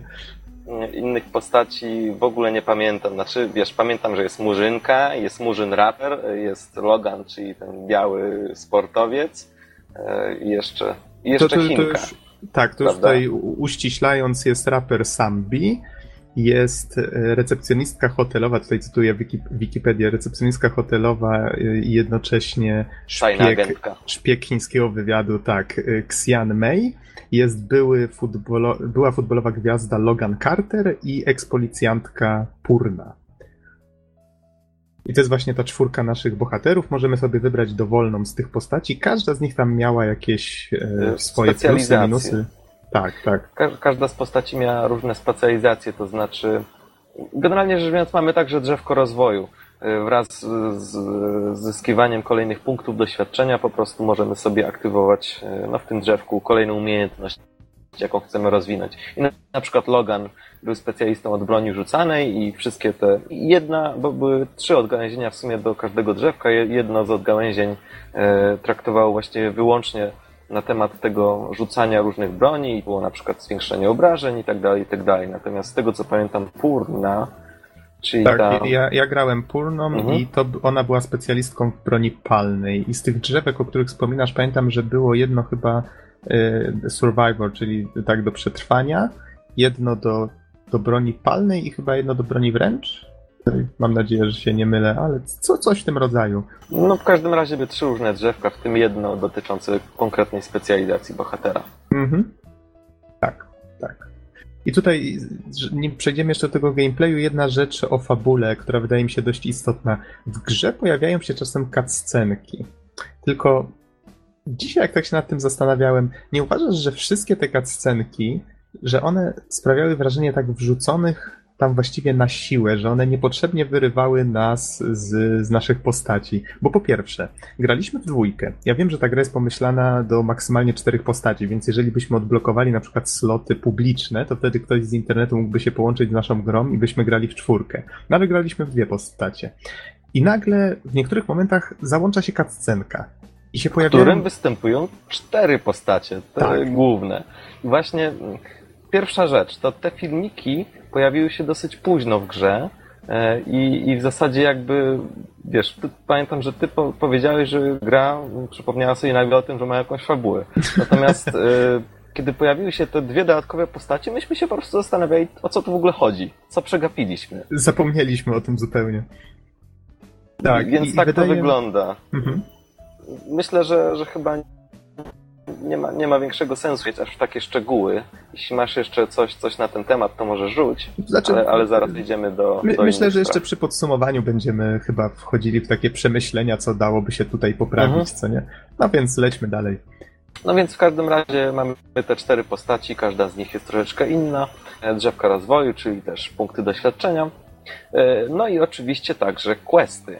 E, które musimy wykonywać. No i tutaj też nie ma niespodzianek. E, mamy zarówno questy fabularne, które popychają e, całą historię do przodu, jak i dodatkowe, które służą właściwie tylko zwiedzaniu świata i, i zdobywaniu punktów doświadczenia. Czyli uratuj mojego męża, zdobądź wodę, przynieś mi tabletki.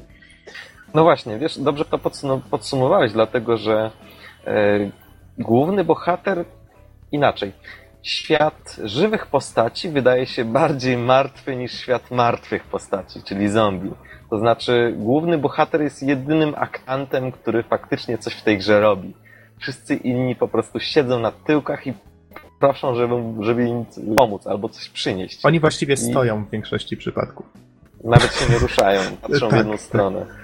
Tak, I, I, po prostu to jest strasznie rozpraszające, dla, głównie dlatego, że nawet, nawet powiedzmy grupa postaci, które wiadomo, że poradziłyby sobie, powiedzmy, są, powiedzmy najgroźniejsi przestępcy świata, wrzuceni na małym obszarze z grupką zombie. Po prostu oni taki by skopali tyłki, że po prostu no, nie byłoby co zbierać. Natomiast y, nawet pod koniec gry y, spotykaliśmy się z questami w stylu no przynieś nam coś, przynieś nam tamto, bo my sobie nie radzimy. I, i, i po prostu było to strasznie de, no, dekoncentrujące, moim zdaniem, i rozpraszające. To znaczy, było to o tyle fajne, że jeżeli mieliśmy jakieś zadanie, to mogliśmy a, okej, okay, i tak zmierzamy w tamtą stronę, więc pójdziemy do tego gościa, który się zatrzasnął w tamtym domku i atakują go zombie, pomożemy mu, damy mu ten te przedmiot, który ktoś nam zlecił, żeby mu zawieść, dostaniemy jakąś nagrodę za to i to w sumie fajnie, to przy okazji możemy zrobić. Ale jeżeli ktoś chciałby robić wszystkie te questy, a w końcu jest taka możliwość i na pewno jest za to też jakiś achievement, no to niestety, nawet przez pewien czas żeśmy próbowali to robić. W pewnym momencie żeśmy się ocknęli, bo, Tak, bo gra kazała nam latać po prostu od jednego punktu mapy do drugiego i z powrotem. wyglądało to, wyglądało to mniej więcej w ten sposób, że, że nabraliśmy najpierw tych questów, a potem obudziliśmy się, że, że jest 15 albo 16 zadań. Dobra, temu butelkę wódki, y, temu powiedzieć o żonie, y, ten potrzebuje części do samochodu, y, tamten się zatrzasnął w toalecie, no i tego typu sprawy. Więc na dobrą sprawę mm, jakby ten świat wydał się bardzo mało dynamiczny i tak trochę jakby niezaatakowany przez zombie. Tak to wyglądało, że po prostu bohater mógł sobie swobodnie chodzić i jakoś to zagrożenie czy, czy, czy po prostu osaczenie, które powinno być widoczne w tego typu grach, jakoś nie występowało. I, i myślę, że to troszeczkę przypominało, ja, ja w pewnym momencie stołem pewne analogie do, do Borderlands, w którym właśnie mieliśmy taki trochę luźny klimat. Natomiast myślę, że możemy przejść dalej, bo zagłębiamy się powoli w szczegóły. E, I, A, i ale po prostu... jeżeli już Mhm. tak kończąc temat samych zadań, myślę, że warto wspomnieć o tym, że interfejs do ich zarządzania nie był zbyt przyjazny. Tak, bo o, mogliśmy... interf- o interfejsie może jeszcze powiemy za chwilę, a Aha, no dobra. ja- jak, okej. jak wspomnimy o innych elementach gry, bo Dobra. to, to potraktujmy może jako takie trochę podsumowanie. Mhm. Natomiast co jest istotne? Jesteśmy bohaterem, możemy wykonywać różne questy, e, no i trzeba dać bohaterowi jakieś narzędzia, dzięki którym mógłby je wykonywać, prawda? Męczący sztylet. Na przykład. E, Przede wszystkim w grze istotna jest walka. Widać mocno, że, e, że twórcy położyli bardzo duży nacisk na to, żeby walczyło się fajnie, żeby walczyło się w sposób zróżnicowany, realistyczny i po prostu klimatyczny. Ale mi się rymnęło. W każdym razie mamy do dyspozycji cios. E, zwykły cios, e, także rzut bronią oraz kopniak. I te trzy, mm, te trzy elementy można naprawdę w świetny sposób łączyć. Znaczy, na zdrowie Geksen. Geksen kichnął gdzieś, gdzieś w moim pobliżu, nie wiem czy to usłyszeliście. E, możemy zadać cios pięścią, jeśli nie mamy żadnego przedmiotu, albo na przykład jeśli zebraliśmy jakieś, jakieś przygodo, jakąś przygodną broń, na przykład, nie wiem, sztylet, wiosło, czy, czy jakąś maczetę, możemy nią po prostu zadać cios w różne części ciała zombie, na przykład w rękę, w nogę, w głowę. I tutaj jest ciekawa rzecz, bo na przykład możemy mm, ciosem w nogę e, powalić zombie, możemy złamać mu nogę, czy wręcz ją odciąć. E, I to wszystko naprawdę działa naprawdę bardzo płynnie. W dodatku możemy bronią swoją na przykład rzucić, albo zadać e, przeciwnikowi kopniak, którego zresztą w żaden sposób nie może, nie może sparować. Czyli na przykład to wygląda tak, że rzuca się na mnie zombie, to co niejednokrotnie stosowałem, a ja biegnę do niego, skaczę i z wyskoku sprzedaję mu kopa, więc, e, więc naprawdę sama mechanika walki daje dużo satysfakcji, jest szczegółowo zrobiona, no i widać, że, że ostatecznie e, w tym momencie wygrywa jakby ta opcja, by grało się fajnie. Nie wiem, nie wiem Noxu, co ty byś chciał powiedzieć o walce, ale myślę, że, że powinieneś coś rzucić, bo, bo jest to element naprawdę świetnie wykonany. A, a, no właśnie, o Jezu, jakie płynne przejście sucharowe. A no właśnie, a propos tego rzucania. y, Ja niczym nie rzucałem w grze, przyznam szczerze, bo bardzo szybko żeśmy się dorobili takiego sprzętu, na którym nam po prostu zależało i nie chcieliśmy go przypadkiem stracić, na przykład wbijając w jakiegoś zombiaka, czy gdzieś go gubiąc. E, Bo te sprzęty, wszystkie, o których tutaj Don opowiadał, je można ulepszać. To zaraz Są- do craftingu przejdziemy. Okej, Y, to, to w takim razie o tym jeszcze powiemy. Ale też myślę, że możliwość sprzedania kopniaka prosto w czoło z rozpędu to, to było coś bardzo fajnego. Mogliśmy faktycznie tymi kopniakami, y, powiedzmy, zastopować jakiegoś zombiaka, który biegł prosto na nas, potem go na przykład dobić, jak leżał na ziemi. Mogliśmy właśnie, tak jak wspominałeś, celować w jakieś konkretne części ciała, czyli jak leżał, można było mm, próbować odciąć na przykład głowę. No i robić inne makabryczne tutaj a- ataki tego typu. Właśnie szybko doszliśmy do wniosku, że, że główni bohaterowie tak naprawdę są tymi złymi, bo tak masakrują tych zombie. Chuj się są Y- niektóre sceny naprawdę, jak żeśmy wparowali w taką grupę zombiaków, to krew i członki, to wszystko latało we wszystkie strony. Ku naszej uciesze oczywiście. Do dziś pamiętam fragment, w którym staliśmy nad klifem. Mm, pod nami była grupa kilkunastu zombie. Ja rzuciłem napalm, y, taką sobie koktajl mołotowa, podpalony, czy nawet kilka sztuk. Yy, krzycząc płoń święty ogniu płoń. Hmm. Kocham zapach napalmu o poranku, tak? Chyba powinienem był się powstrzymać, kiedy miałem szansę. W każdym razie yy, zombie jest Już kilka rodzajów. Znaczy mamy takie klasyczne yy, potwory, które no, są jakby rozmiaru zwykłego człowieka i po prostu do nas biegną. Są one no, są po prostu słabe. Albo na przykład mamy też zbirów, czyli to są zombie, które są takie dosyć wielkie i trudno je obalić, ale z kolei Masz na cios... myśli tych gości w Tak. kaftanach bezpieczeństwa? Nie, nie, nie. Zbir to jest po prostu taki umięśniony zombie. Jakby, A, okej. Jak gdybym się zamienił w zombie, właśnie chciałbym w takiego. E, Okej. Właśnie ten zbir potrafił na przykład powalić bardzo szybko i trzeba było bardzo uważać e, w walce z nim. Na przykład był inny wybuchowy, kiedy podchodził do nas, eksplodował. E, Jeszcze inny na przykład w kanałach, który wymiotował z takim dużym brzuchem. Więc y, zróżnicowane były i jakby też wymuszały zastosowanie trochę innych strategii. Może, może taktyka to nie byłoby zbyt dobre słowo, ale ostatecznie jeśli pojawił się na przykład zbir albo jakiś taki duży zombie w kaftanie bezpieczeństwa, który szarżował, od razu widać było, że trzeba, trzeba zmienić podejście i uważać. Tutaj jeszcze do, warto dodać, że w grze jest oczywiście broń palna, tak jak zresztą wspominaliśmy przy umiejętnościach e, Purma w końcu. Po to wybrałem tę postać, żeby specjalizować się w broni palnej, przy czym okazało się, że przez bardzo długi czas nie miałem w ogóle ani żadnej broni, a tym bardziej nie mogłem wyrabiać naboi. E, Tutaj przejdziemy jeszcze do, przy, przy craftingu do wyrabiania różnych przedmiotów. To się pojawiło dość, dość późno, czyli te, te, i możliwość strzelania i, i wyrabiania tych naboi. I to też ułatwia trochę starcia z niektórymi zombiakami, no tutaj tak jak te wybuchające, prawda? Dobry był też na przykład motyw, że można było wziąć e, taką beczkę gazu, O, rzucić tak, ją tak. i kiedy się ją rzuciło, postać automatycznie zmieniała broń na palną, można było w nią strzelić i w ten sposób e, no, zrobić z tego taki w sumie rodzaj granatu. Bardzo Dobra. często zdarzało się, że rzucałem taką beczkę ku swojej uciesze i ale będzie bum i nagle Don odlatuje do tyłu. Siu! O, sorka. Potem patrzyłem na ciebie uważnie i celowałem, kiedy niosłeś kolejną taką beczkę. No w każdym razie e, wiosło wiosłem, znaleziona maczeta znaleziono maczetą, ale przydałoby się zrobić coś, czym naprawdę można mordować zombie konkretnie. Hmm. Niech Czy zgadnę, ja połączmy, pi- złym? niech zgadnę, połączmy piłę tarczową z akumulatorem i długim kijem od szczotki. Tak, to jest bardzo dobry pomysł.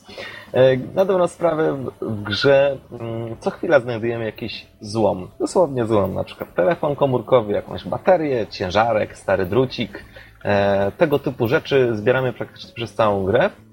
E, Okazjonalnie mamy też okazję zebrać plany broni, które po prostu potem możemy zrealizować przy stole, który właśnie służy do tworzenia nowych broni, naprawiania tych, które się zużywają, e, a nawet ulepszania ich. Każda broń ma tam cztery stany ulepszenia i po prostu ulepszenie mm, do kolejnego stanu kosztuje ileś tam, e, ileś tam pieniędzy. No w każdym Ale razie... zapomniałeś o czymś, Mhm. Don. Y, Te stoły nie służą do ulepszania. My im płacimy za to, żeby one to ulepszały. To są krwiopijcy. Tak, na daną sprawę, jeśli chodzi o ekonomię gry, to stoły do, stoły takie warsztatowe są właściwie najbogatsze. To one się najbardziej wzbogaciły na tej epidemii. Ja myślę, że to jest spisek. No, w każdym razie e, przeróżne bronie, które możemy stworzyć, tego jest naprawdę cała masa.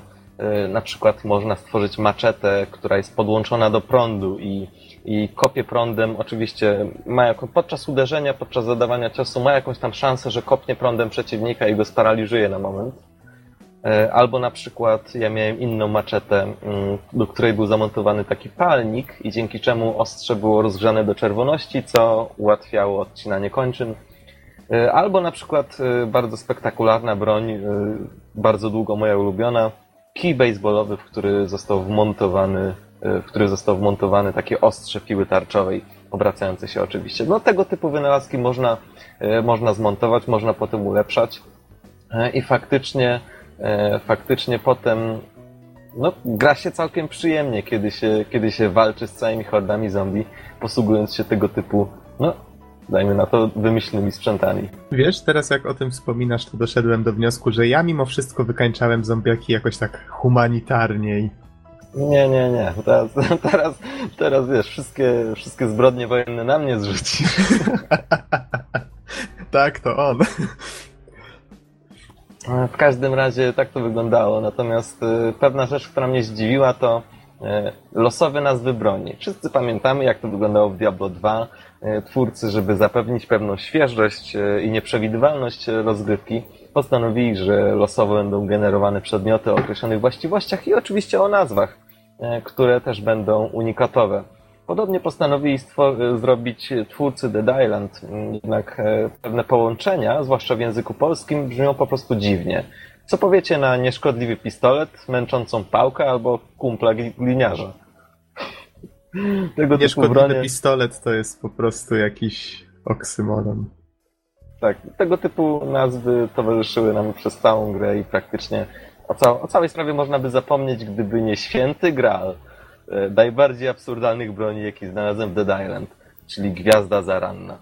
Mój Boże, było to po prostu niesamowite przeżycie. Taka Gwiazda wielka Zaranna, naszpikowana kulcami kula. Właśnie. E, Gwiazda Zaranna to przetłumaczone dosłownie Morgenstern, czyli e, znana z czasów średnich broń właśnie w postaci kuli naszpikowanej metalowymi kolcami na, na metalowym trzonku. No i tak, mamy XXI wiek, E, e, taki kompleks hotelowy, co możecie znaleźć w takiej skrzynce, powiedzmy, zamkniętej na klucz? Maczetę? Jakiś nóż? Mm, czy wręcz, no nie wiem, pałkę policyjną? Nie, no właśnie znajdziecie Morgensterna. To jest oczywiste i myślę, że, że nie warto tego, e, tego faktu mm, poddawać wątpliwość. No Don, w końcu kanalarz Bob był wielkim fanem tego typu średniowiecznych rekwizytów, nie? Tak. A, a, ale wiesz, ty już abstrahując od tego, powiedz mi, przepraszam, powiedz mi, w jaki sposób budować poważny klimat i dramatyczną opowieść, kiedy wrzuca się tego typu no wiesz, to takie typu Saints Row, o, niech będzie, takie wybryki typu Saints Row właśnie do, do gry. Jest tu pewna sprzeczność, nie uważasz? No właśnie, ja myślę, że ta sprzeczność w wielu elementach się, się uwidacznia, chociażby, nie wiem, chociażby nawet sam fakt, że możemy budować tak wymyślne wynalazki zniszczenia i zagłady. Wow, ale to zabrzmiało. No wyobraźcie sobie, no baseball z wmontowaną piłą tarczową, no to, to chyba nie sprzyja opowiadaniu o dramacie ludzkim, prawda? No. No właśnie. Nie wiem, nie wiem co na to na przykład Gexen, Wszyscy już posnęli. Nie wiem co na to na przykład Gexen czy Bizon. Nie, też, no, też po mieli prostu... okazję przetestować grę. Ja się troszkę od tego traileru jakby odciąłem dość szybko, no bo okej, okay, trailer był, ale dość szybko się kopnąłem, że jakby gra nie ma nic wspólnego z tym trailerem, poza tym, że faktycznie są zombiaki. Więc no, no więc jakby tutaj... to, to, to, mnie nie, nie wstrząsało mhm. i po prostu no ścieka jest pełną gębą, choć dla mnie nie wiem jak u was, ale ja w grze spędziłem kilkadziesiąt godzin mm, może trochę zmieniam temat, ale ta jakby mechanika cięcia po pewnym czasie mi się znudziła. Mhm. Wiesz, to, to znaczy, i, ja myślę... do, do, jednej rzeczy uh-huh. chciałem się odnieść do, na sekundkę. E, tutaj wspomniałeś o zwiastunie, tylko że to nie o sam zwiastun się ro, tutaj rozbija. E, chodzi też o to, że twórcy w tych cutscenkach, o których żeśmy wspomnieli, oni bardzo często starają się tak zupełnie mm, znikąd nagle wyskoczyć z takim klimatem poważnym, że te postacie... W stylu nie... naśladowania właśnie The Walking Dead The Game mówiąc Troszeczkę, troszeczkę tak. Te postacie nagle się przejmują, poznają jakichś NPC-ów, którzy powiedzmy towarzyszą im w podróży. Ci NPC przeżywają jakieś bardzo właśnie przykre sprawy, tutaj wiadomo, najbliżsi zamienieni w zombie czy tego typu rzeczy. I to w zupełnie innym klimacie, inaczej potraktowane, może byłoby nawet jakoś wzruszające, albo chociaż, chociaż takie, wiecie, smutne ale tutaj jak najbardziej z Donem, tylko żeśmy tak troszeczkę sobie pożartowali i w sumie poszliśmy dalej wycinać wszystko tą elektryczną kosiarką, którą Don złożył. No, wiesz, no, nagle widzimy jakąś scenkę smutną, że wiesz, że ktoś powiedzmy został zamieniony w zombie i wiesz, i, i jest tu jakaś tam krwawy ślad i tak dalej, nie? My obejrzeliśmy to, jest taka chwila ciszy. To co? Kosiarki? tak to no, niestety mniej, wyglądało. Mniej więcej. E, nie zapomnijmy Don wspomnieć o środkach transportu, bo to jest też coś, tak. co sporo dodało tej, no, mechanice, może tak, chociaż te, też myślę, że było tutaj kilka niewykorzystanych rzeczy, ale to może przejdziemy do tego. E, w grze pojawiają się pojazdy, tak jak już to wspomniałeś, e, raczej w postaci pick-upów w różnych formach. W niektórych częściach gry niezbyt, niezbyt są to dogodne środki transportu, na przykład w zawalonym wszystkim, wszystkim mieście. Natomiast ostatecznie się sprawdzają i są o tyle fajne, że oczywiście mogą pomieścić czterech graczy, ale co jest dobre, to to, że, e, że jeden gracz może prowadzić, a drugi na przykład siedząc we wnętrzu może strzelać na przykład z pistoletu, co jest, no kurczę, bardzo fajną opcją. Albo na pace można mhm. też siedzieć. Mhm. E, jedna z misji właśnie polegała na, na w sumie objechaniu całego miasta. Znaczy, można było to zrobić na piechotę, myśmy to zrobili samochodem. E, I fajnie to wyglądało, kiedy na przykład bodajże ty prowadziłeś, a ja w pewnych momentach musiałem po prostu wyskoczyć, e, wykonać interakcję z otoczeniem i wrócić, po czym jechaliśmy dalej. Mhm, bardzo fajne były takie mhm. zadania, w których na przykład trzeba było kanistry z benzyną załad albo na przykład kartony z sokiem załadować na, na pakę tego samochodu, a potem znowu je gdzieś przenieść. Taka w sumie niby prosta, ale ciekawa interakcja. Myślę, że możemy na przykład wspomnieć o level designie. Oj, to, to jest tutaj dość, e, no właśnie, drażliwa to kwestia. Jest... E, tak, tak, tak, tak, faktycznie wiecie, jak Może... to ugryźć. Czyli hmm? musi być kiepsko, jak się domyślam, co? To znaczy inaczej, znaczy, wiesz... jest nierówno. No właśnie. No może ja zacznę, bo w zasadzie tak nakreślę o co tu chodzi, a ty Nox potem powiesz coś, co źle zrobiłem. W każdym razie wydaje mi się, że że po pierwsze, tak jak wspomniałeś, jest nierówno. To znaczy ja rozumiem to tak, że, że na przykład pierwsza lokacja to jest, to jest taki jakby dosyć duży poziom, który ma tam powiedzmy kilometr kwadratowy. To jest wybrzeże razem z tym kompleksem hotelowym i po prostu wygląda na to, że, że to to jakby sprawia wrażenie mm, nie wybrzeża hotelowego, tylko miniatury wybrzeża hotelowego. E, I, I, jakby całe to wrażenie potęguje fakt, że, mm, że mapa została tak skonstruowana, że w zasadzie nie ma jednej ścieżki, która przebiega przez środek mapy, tylko no wyobraźcie sobie, że po prostu to jest taki świat, w którym zawsze idziesz naokoło. Zawsze musisz nadrabiać. E, I, i tak to wygląda. E, moim zdaniem na przykład poziom kolejny, czyli miasto, który w zasadzie jest chyba 2 km kwadratowe takiego zagraconego wszystkim miasta, jest o wiele lepszy. Ale, ale w późniejszych częściach gry mm, to, co się strasznie rzuca w oczy, to powtarzalność. To znaczy kanały wyglądały dokładnie tak samo zawsze. I ja nie wiem, nie wiem jakim cudem Nox się w tym łapał, mimo że mapa była niedostępna. No Ale cóż, przykład... w, tym za, w tym zawodzie trzeba mieć orientację w przestrzeni wpisaną w geny. W każdym razie... Ale spokojnie nie... też się gubiłem co najbardziej mnie uderzyło, to fakt, że tam był, był jeden motyw, y, pomieszczenie szpitalne. Ono było tak wspaniale zrobione, jeszcze z takim fajnym światłocieniem, ze światłem wpadającym przez okno, materiałami założonymi na łóżka. Tak naprawdę wspaniale to wyglądało. I, no i okazało się oczywiście, że to pomieszczenie zostało skopiowane dużo razy, E, razem z jednym korytarzem, który po prostu... I cała, cała lokalizacja, cała lokacja składała się z tego jednego pomieszczenia, jednego korytarza. I trochę to tak wyglądało, jakby ambitny level designer poświęcił 25 godzin na to, żeby przepięknie zrobić te dwa elementy. Ale nagle ktoś mu powiedział, pewnie ktoś wyżej, e, usytuowany w hierarchii e, z zespołu, E, powiedział mu, że no dobra, fajnie się, fajnie się starał przez te 25 godzin, ślicznie mu wyszło, ale, ale całą lokację miał zrobić w 30 godzin, więc zostało mu tylko 5 godzin na zrobienie reszty. No i hmm, ostatecznie tutaj, lokacja jest y, kopią kopii kopii. Tutaj do, nie chcę się wdawać zbytnio w kwestie techniczne, ale to wygląda mniej więcej tak, że artysta robi elementy, moduły, z których są tworzone tak, tak, to jest poziomy? tylko fikcja, e, fikcja artystyczna z mojej strony, okay. ale, ale po prostu no, ten poziom był dosłownie kopią swojej kopii.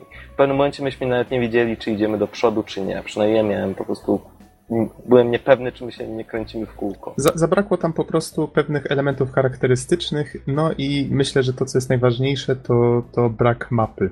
Jednak zabrano mhm. nam mapę w tych kanałach i to już razem z tymi powtarzającymi się elementami otoczenia sprawiło, że zupełnie straciliśmy y, poczucie kierunku. Ale po części może o to właśnie chodziło.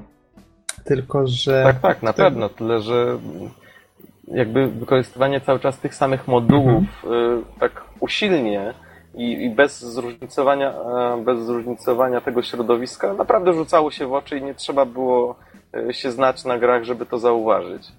Mhm. No tak, bo można było te kanały wykorzystać trochę ciekawiej, dodać na przykład jakieś elementy, które wskazywałyby na to, że yy, powiedzmy jacyś ocalali, chociaż nie, przepraszam, oni wszyscy siedzą lub stoją w kościele, to, to nie mogli robić oni, tutaj tak pół szartem oczywiście, ale powiedzmy, że jacyś ocaleli zaznaczali sobie w jakiś sposób, że na przykład kierunkowska, stędy do centrum, albo tutaj coś takie na tabliczkach napisane pośpiesznie, żeby na przykład, albo zaznaczali sobie kredą strzałki, no cokolwiek, co by y, zgadzało się z realiami świata, a jednocześnie pozwalało nam się na przykład odnaleźć w, w tych kanałach i ułatwić na przykład dojście do jakiejś części miasta tymi podziemiami, prawda? Ale tutaj może nie rozwodźmy się za mocno nad tymi kanałami, Tutaj jeszcze w grze pojawiały się na przykład takie lokacje jak dżungla, e, było jakieś puszczone laboratorium i tym podobne. Nie wszystkie z nich zostały wykorzystane tak, tak dobrze jak na przykład pierwsza lokacja, chociaż ona cierpiała właśnie na to, co, e, co Don mówił, czyli choć było to wybrzeże, choć był tam jakiś hotel, to mimo wszystko, i choć mapa zdawała się być dużym, otwartym terenem, to i tak na dobrą sprawę sprowadzało się to do tego, że była to jedna nitka, z której był zrobiony taki owal i z niego odchodziły kolejne mniejsze lub większe ścieżki i to właściwie było takie kręcenie się w kółko. Samo miasto, ty powiedziałeś, że tobie podobało się bardziej. Mnie na przykład trochę męczyło, bo niby były tam drogi, ale były zbyt zawalone, żeby poruszać się tam samochodem i na przykład też jak żeśmy jechali autem, musieliśmy się właściwie kręcić w kółko. Można było oczywiście iść i wtedy też były ścieżki powiedzmy przez środek, to już było trochę, trochę lepiej, ale nadal miałem wrażenie przez prawdopodobnie te questy, że twórcy każą nam iść z jednego krańca mapy na drugi kraniec mapy. Jakoś bardzo rzadko się zdarzało, że kazali nam łaskawie iść na przykład, a pójdź tutaj na środek, tu masz niedaleko, prawda? Tylko wszędzie trzeba było iść od A do Z, od Z do A. To było strasznie męczące. Mhm, muszę się zgodzić, absolutnie. Po prostu. I, i, jeszcze jedna wydaje taka się, wada. że- o, ostatnia wada, Mhm. tylko jeszcze takiego level designu, to wydaje mi się, że na przykład ta dżungla wydała mi się fajną lokacją. Tam było Ale trochę więcej myśmy przestrzeni. przez, nią, myśmy przez nią praktycznie chyba raz albo dwa razy przejechali samochodem i, i tyle, Tak. tyle ją widzieliśmy. Tak, i tutaj wydaje mi się, że tak jakby twórcy stwierdzili, że okej, zrobimy tam jeden, dwa questy fabularne i, i to byłoby na tyle. I wow, okej. Były jeszcze takie misje w miejscach, które, których w sumie nie odwiedzaliśmy drugi raz. Czyli nie jest tak, że gra w całości się składa z lokacji otwartych. Czasami są też takie lokacje poświęcone konkretnym zadaniom i no, są, one były raczej robione lepiej, były robione gorzej. Pamiętam, była jakaś taka fajna ucieczka przez dżunglę, przed całą chmarą mm, takich przemienionych, y, takich ple- dzikich plemion, tak? Coś, coś w tym rodzaju to Mhm. było. No, to też było całkiem fajne. Y, Nasunęło, nasunął mi się taki jeden, jeden minus związany z tym, że śmierć y, nie, nie spotykała się z jakąś taką karą, która w sumie była warta odnotowania, ale to myślę, że jeszcze do tego dojdziemy. Mhm. Więc w, w sumie tyle rzeczy mi się nasuwa tutaj. Wydaje mi się, że dało się to zaprojektować jednak dużo, dużo lepiej. Tak, nie, niektóre miejsca zda, zdawały się być mm, dość pośpiesznie składane, takie odniosłem wrażenie. Tak, gra była dosyć nierówna pod kątem graficznym yy, i myśmy praktycznie musieli się przyzwyczaić, że to jest właśnie styl Dead Island, że, że tu i ówdzie zawsze znajdą się jakieś wpadki graficzne, do których po prostu trzeba przywyknąć. Albo gdzieś tu i ówdzie zdarzają się jakieś perełki, bo były takie. Mhm. Ta, tak jak te na przykład sale szpitalne pod, pod koniec. Don się zachwycił, wchodzimy gdzieś i wow, tutaj ktoś włożył strasznie dużo pracy. tak, tak właśnie taka reakcja mniej więcej była. A potem wchodzimy do drugiej takiej samej. Wow, tutaj ktoś włożył strasznie dużo pracy. Ko kopiuj i wklej, tak. no tak, tak, trochę tak. No cóż. Mm, A czym Znaczy, najgorsze, czym- najgorsze Mhm. było to, bo ty wchodzisz do tego pokoju i mówisz, słuchaj, Nox, tu dosłownie jest skopiowany, a ja mówię, nie no wiesz, no z, z reguły się wykorzystuje te same moduły. Nie, nie, nie rozumiesz. Tu nawet przedmioty na półce są ułożone tak samo. Aha. Okej. Albo na przykład na- natrafiliśmy na pomieszczenie, które w ogóle było puste, tylko obłożone teksturą. Także tego typu perełki też się trafiały. No, było, było nierówno, tak, to prawda. Jeśli chodzi o muzykę, wiesz, mi osobiście nie rzuciła się w uszy, jeśli wiesz o czym mówię. Nie wiem jak, jak twoje wrażenia. Rany, jedyne co pamiętam z muzyki to y, ten utwór z intra Who do you voodoo bitch? To taki był tytuł, żeby nie było. I takie główne słowa, zresztą chyba jedyne. Tak, śpiewane przez tego rapera Sama B. Nie, nie wiem, czy tutaj dobrze pamiętam, ale ta postać nie była przypadkiem na jakiejś prawdziwej osobie wzorowana? Nie jestem pewien, aczkolwiek to prawdopodobne. Coś takiego wyczytałem, ale ja jestem ignorantem, jeżeli chodzi o muzyczne sprawy, więc wybaczcie. Wiesz co, chyba możemy powoli podchodzić do podsumowania Mhm. i spróbować jakby zebrać te wszystkie nasze przemyślenia do kupy, bo mówiliśmy trochę o level designie, o tym jak wygląda rozwój postaci, o questach i tak dalej, ale chyba tym, co, czego tak naprawdę oczekują od nas słuchacze, to to jak w to się grało, czy się grało w to dobrze. E, Na Mhm. przykład, bo myśmy grali w koopie, czyli razem, z kolei na przykład Gexen i Bizon próbowali e, w pojedynkę i, i jak to wszystko wyglądało. Może ty zaczniesz. To powiem tak, mnie się grało całkiem przyjemnie, tylko że tak jak tutaj Norbert już wspomniał, ta mechanika, ona po pewnym momencie stała się dość powtarzalna, więc być może poniekąd ta przerwa dobrze nam zrobiła e, w grze. W każdym razie y, myślę, że koop dał tu bardzo dużo, no ja- jak zwykle, tak jak żeśmy tydzień temu już mówili, nie jedna gra po dodaniu koopa staje się lepsza niż jest naprawdę. I myślę, że tutaj faktycznie też tak jest, bo szczerze mówiąc, nie za bardzo miałbym ochotę chyba grać w tę grę samemu. A tak grając z tobą było przynajmniej trochę frajdy. Można się było trochę z, z czegoś pośmiać. Można było się na przykład dogadać, okej, ty prowadzisz, a ja teraz będę strzelał. I Don, jak ty prowadzisz? Albo o, ile zombiaków żeś potrącił po drodze. Te, te, tego typu nieprzewidziane akcje nagle się stawały całkiem, całkiem fajne. Więc fajnie, że twórcy dali takie narzędzia, żeby takie akcje mogły, mogły się niespodziewane stwarzać. I to było całkiem, e, całkiem sympatyczne, myślę. Trochę mnie kuły właśnie te takie jakieś tam niedoróbki, czy, czy takie bardziej lub mniej dopracowane fragmenty, ale ogólnie sama mechanika była całkiem, całkiem fajna, czyli walka, choć, choć powtarzalna, to jednak te różne, a to krawcenie, a to możliwość rzucenia jakąś, jakimś tam wybuchowym elementem, tam powiedzmy te, te z gazem, tak, pojemniki, e, czy jazda tym samochodem, która od czasu do czasu się zdarzała. Myślę, że to sprawiało, że to nie było aż tak mocno odczuwalne. Więc gra, gra, mnie się grało jak najbardziej fajnie. Chociaż cały czas tak czuję, że, że wow, że ta gra sprawiała w niektórych momentach wrażenie prototypu. Prototypu fajnego gameplayu, który Tak. dopiero ktoś miał dopracować. To ja tak może dorzucę, że na przykład krawcenie opisywaliście tak fajnie, że tutaj bierzemy deskę, tutaj nie wiem, bierzemy jakiś akumulator. W praktyce wszystkie te przedmioty to są po prostu napisy. Z tego co pamiętam, mają czy chyba ze 4 czy z 5 typów ikonek. No i tak jakby brakuje tej wizualizacji, że faktycznie bierzemy tą deskę, coś ten koleś skleja.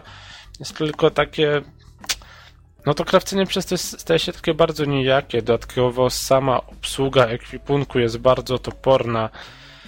No i się. No, dla mnie to się bardzo nie sprawdzało. No, nie wiem, może co, coś dodać od Mhm. siebie. To dobrze, żeś przypomniał właśnie o tym, o myśmy- ogói. Zapomina, zapomnieliśmy jak, y, o interfejsie. To jest bardzo specyficzna sprawa, dlatego że moim zdaniem całe to menu przede wszystkim było chyba dostosowane bardziej do konsol, Y, ale, ale myślę, że i na konsolach, i na PC-tach, czyli przy użyciu pada, jak i klawiatury i myszki, było niezbyt czytelne i w zasadzie też niezbyt funkcjonalne. I mnie osobiście strasznie drażniły takie elementy, jak na przykład e, jak na przykład e, kiedy mieliśmy pełny ekwipunek i znaczy mm, bo tak bohater przy sobie może mieć maksymalnie chyba z 8 albo 9 broni, to jest takie kółko, w którym wybieramy sobie po prostu, którą broń chcemy trzymać e, obecnie, e, aktualnie. I w momencie, kiedy całe to kółko jest e, po prostu zapełnione przedmiotami i chcemy wziąć jakiś kolejny, taki zwykły przedmiot, jak na przykład alkohol, apteczka, czy wręcz nawet inną broń, to po prostu nasza broń, którą aktualnie trzymamy, jest zastępowana przez ten alkohol i wyrzucana automatycznie. To strasznie mnie, mnie irytowało. E, dlatego, że praktycznie każde, każde e, zebranie jakiegoś nowego przedmiotu, jak na przykład apteczki, a takie też się od czasu do czasu pojawiały, e, wiązało się z ponowną organizacją interfejsu. Oj, jeszcze powiem, dochodzi... Mhm. Powiem ci, że mnie dużo bardziej coś innego drażniło, mianowicie to dostosowanie tego do pada, bo gdybym grał na padzie, to w porządku. To, to na pewno działałoby dużo lepiej, ale bardzo łatwo dałoby się to dostosować y, do myszki, tak żeby było chociaż trochę przyjemniejsze. Chociażby, jeżeli przeglądałem menu, to najeżdżając na. Chciałbym, żeby najeżdżając na przedmiot w, w tej liście, żeby wyświetlały się informacje na jego temat, ale nie. Y, nie dało się w ten sposób zrobić, bo trzeba było powiedzmy strzałkami góra-dół y, zmienić daną pozycję na liście albo na nią kliknąć no, co automatycznie było mniej przyjemne niż po prostu przelecenie przez listę y, myszką, tak żeby informacje się wyświetlały w tym momencie. Albo jeżeli dobrze pamiętam, nie dało się na przykład przerzucić do tego kółka, o którym wspomniałeś, przedmiotów, y, przeciągając je myszką. Trzeba było kliknąć dwa razy, nie, czy coś właśnie. takiego. Trzeba Więc było na nie kliknąć i takie potem kliknąć pierdoły. na kółko naprawdę takie pierdoły, które dało się bardzo łatwo wprowadzić i które by sprawiły, że granie na PC byłoby dużo przyjemniejsze. Tak samo interfejs związany z, z tymi zadaniami, o których żeśmy wspominali, to yy, wydaje mi się, że tam to działało chyba tak, że można było tylko jedno aktywne zadanie wybrać, nieważne czy jest główne czy poboczne, a ja na przykład chciałbym wiedzieć, czy ja idąc do tego zadania, które jest na drugim końcu mapy, czy ja nie mijam przypadkiem kilku zadań, innych, które są gdzieś tam na liście. Też taka niby pierdoła. A w kont... nie no, może pierdoła, ale w kontekście tego, że kazali nam e, latać w tej we w te, tak, tak. bardzo przydatna opcja. Gdyby dało się właśnie kilka zadań naraz yy, wziąć i No więc tak, mhm. więc gra ma masę takich drobnych niedoróbek, które może w multi się tak w oczy nie rzucają, ale w singlu, jeżeli ograliście kilka dobrych RPGów, to niestety zaczyna być to widać. To bardzo. Ja grałem sporo w singla i tam te rzeczy wychodziły, że ja muszę nagle szperać, sprawdzać te questy, które jest najbliżej, przejść przez całą listę. W multi wiecie, w międzyczasie można pogadać, w singlu męczyło to. Dobra, to może ja jeszcze wspomnę troszeczkę, bo ja mam trochę inne podejście niż Nox. Mhm, pamiętaj, wyście... pamiętaj, Don, tylko o mhm. tym, e, żebyśmy jeszcze wspomnieli o tym, że nie było właściwie żadnej kary w grze. Znaczy właściwie jak się zginęło, traciło się trochę pieniędzy ale... Tak, w zależności od tego, ile mieliśmy pieniędzy, to tam jakąś część ich zostało zabierane przed śmierć, tak jak w Diablo 2. Tak, tak, ale ze względu na to, że postać zawsze pojawiała się w miarę blisko akcji, nie czuliśmy zupełnie kary za to, że coś nam się stanie. Czyli Mało przykład... tego, w pewnym mhm. momencie po śmierci pojawiłem się dokładnie w miejscu, w którym mieliśmy być, e, i zamiast A, tak. marnować czas, od razu mogłem cisnąć przycisk i otworzyć nam przejście. Tak, zgadza się. To sprawiło, że po pierwsze wątpiliśmy, czy gra na wyższym poziomie będzie bardziej lub mniej przyjemna, po prostu prawdopodobnie jest bardziej upierdliwa. Mm, I brakuje tu prawdopodobnie takiego y, czegoś, co mi się strasznie podoba na przykład w Left 4 Dead, to poczucie, że, czy no, czy chociażby w Dark Souls. No bo wiemy, że życie bez Dark Souls, no znacie tę kwestię, y, że jest to poczucie, że jeżeli coś się skopie że jeżeli faktycznie popełnimy jakiś błąd, to może nas to za chwilę drogo kosztować. I to może się wydawać jako coś, co ojej, to gra wtedy by była mało przyjemna. Wcale nie. Ona by sprawiła, to by sprawiło, że gra byłaby być może nawet bardziej satysfakcjonująca i być może staralibyśmy się bardziej uważać na swoje tyłki wzajemnie, no bo tak to idziemy, o okej, okay, o jeden zombie, chciała, o drugi, ojej, otoczyły mnie, dobra, zabiły mnie, zaraz się odnowię. A tak, to faktycznie takie zachowanie mogłoby sprawić, że grupa byłaby skazana nagle na porażkę, bo y, powiedzmy jednego gościa zaciukali, to drugi gdzieś się musi chować, czy, czy robić inne tego typu rzeczy. No, wydaje mi się, że to daj... przez to gra straciła. Mhm. Wiesz, ja myślę, że jakby podstawowym założeniem tego typu gry powinno być, wiesz, takie swoiste, może nie przesadzajmy z tym, ale jednak pewne planowanie wyprawy na mhm. zewnątrz pewne liczenie się z tym, dobra, przejdziemy tutaj, będziemy unikać walki, potem szybko, prze, potem szybko przebiegniemy tu i tu będziemy mieli szansę na przykład. Więc, y, więc coś takiego moim zdaniem jest, jest jakby czymś, co, co powinno być w zamyśle podstawowym. Bo w, tej, chwili, w tej mhm. chwili jest tak, że jeżeli jedna postać została powalona na ziemię, to druga mogła ją podnieść, ale tylko jeśli miała apteczkę. Co To też sprawi- było dosyć e, dziwne. Co było bez sensu, wręcz bym powiedział, bo nie opłacało się tego robić. Skoro ta postać za chwilę i tak straciłaby tylko trochę kasy i pojawiła się całkiem niedaleko, to nie, nie warto było marnować tej apteczki, którą można było w sumie użyć na sobie. I Albo w to- ogóle nie marnować i trzymać, bo nawet jeśli zginiemy, to będziemy mieli pełne ataki. No też, też. O, ogólnie rzecz biorąc, było tam trochę takich nieprzemyślanych designerskich decyzji, które na pewno by sprawiły, że, e, że wychodzenie na zewnątrz byłoby po prostu ciekawsze i bardziej emocjonujące. No bo powiedzmy, gdyby, gdyby porażka grupy, czyli powiedzmy, ja bym musiał czekać, jeżeli ty byś przeżył, i na przykład, y, gdybyś ty też zginął, wtedy musielibyśmy zaczynać od tego kościoła. I, I znowu wychodzić na miasto, wtedy byśmy czuli, że porażka faktycznie nas boli. I wtedy byśmy się starali bardziej, o czym już powiedzieliśmy. Tak. No, w każdym razie mm, teraz może kilka słów ode mnie, e, bo byście wspomnieli o tym, że mechanika gry jest e, powtarzalna i, i niezbyt atrakcyjna. Ja osobiście uważam, że sam system walki z zombie, nawet krawcenia broni, jest naprawdę świetny i jakby, no nie wiem, y, robisz sobie taką broń, trochę się nawet do niej przywiązujesz. Ja na przykład przez długi czas uwielbiałem swoją gwiazdę zaranną Y, i, i po prostu i po prostu na różne sposoby można z tymi zombimi walczyć. Ale, ale myślę, że to nie odchodzi, dlatego że nie tylko mechanika, y, zwłaszcza w grze o apokalipsie zombie, powinna być tym czynnikiem, który, y, który jakby nadaje całości sens. No bo powiedzmy sobie szczerze, bez fabuły to równie dobrze mogłaby być arena, na którą ciągle wkraczają nowe zombie. Oczywiście arena o różnym kształcie, na przykład fragment miasta, fragment dżungli i tak dalej. I wtedy naprawdę nie czułoby się większego sensu i, i, i po prostu by się siekało te zombie. Natomiast tutaj elementem, który widocznie mm, był brakujący, to sensowna fabuła, która, y, która pozwoliłaby na wczucie się w postać i wczucie się no, w losy tych ocalałych, którzy faktycznie gdzieś tam mieli jakieś swoje problemy. Oczywiście, mm, oczywiście y, nie mówię tutaj od razu, że powinien być y, na maksa dramat pokazywany jakiś, ale po prostu stworzenie jakiejś takiej trzymającej się kupy historii, bo, bo twórcy rzucali gracza mm, w takie sytuacje, które po prostu nie miały żadnego sensu. Z jednej strony niesiemy jakieś jedzenie, z drugiej strony niesiemy alkohol tylko, a z trzeciej strony widzimy, jak ktoś na przykład umiera, prawda?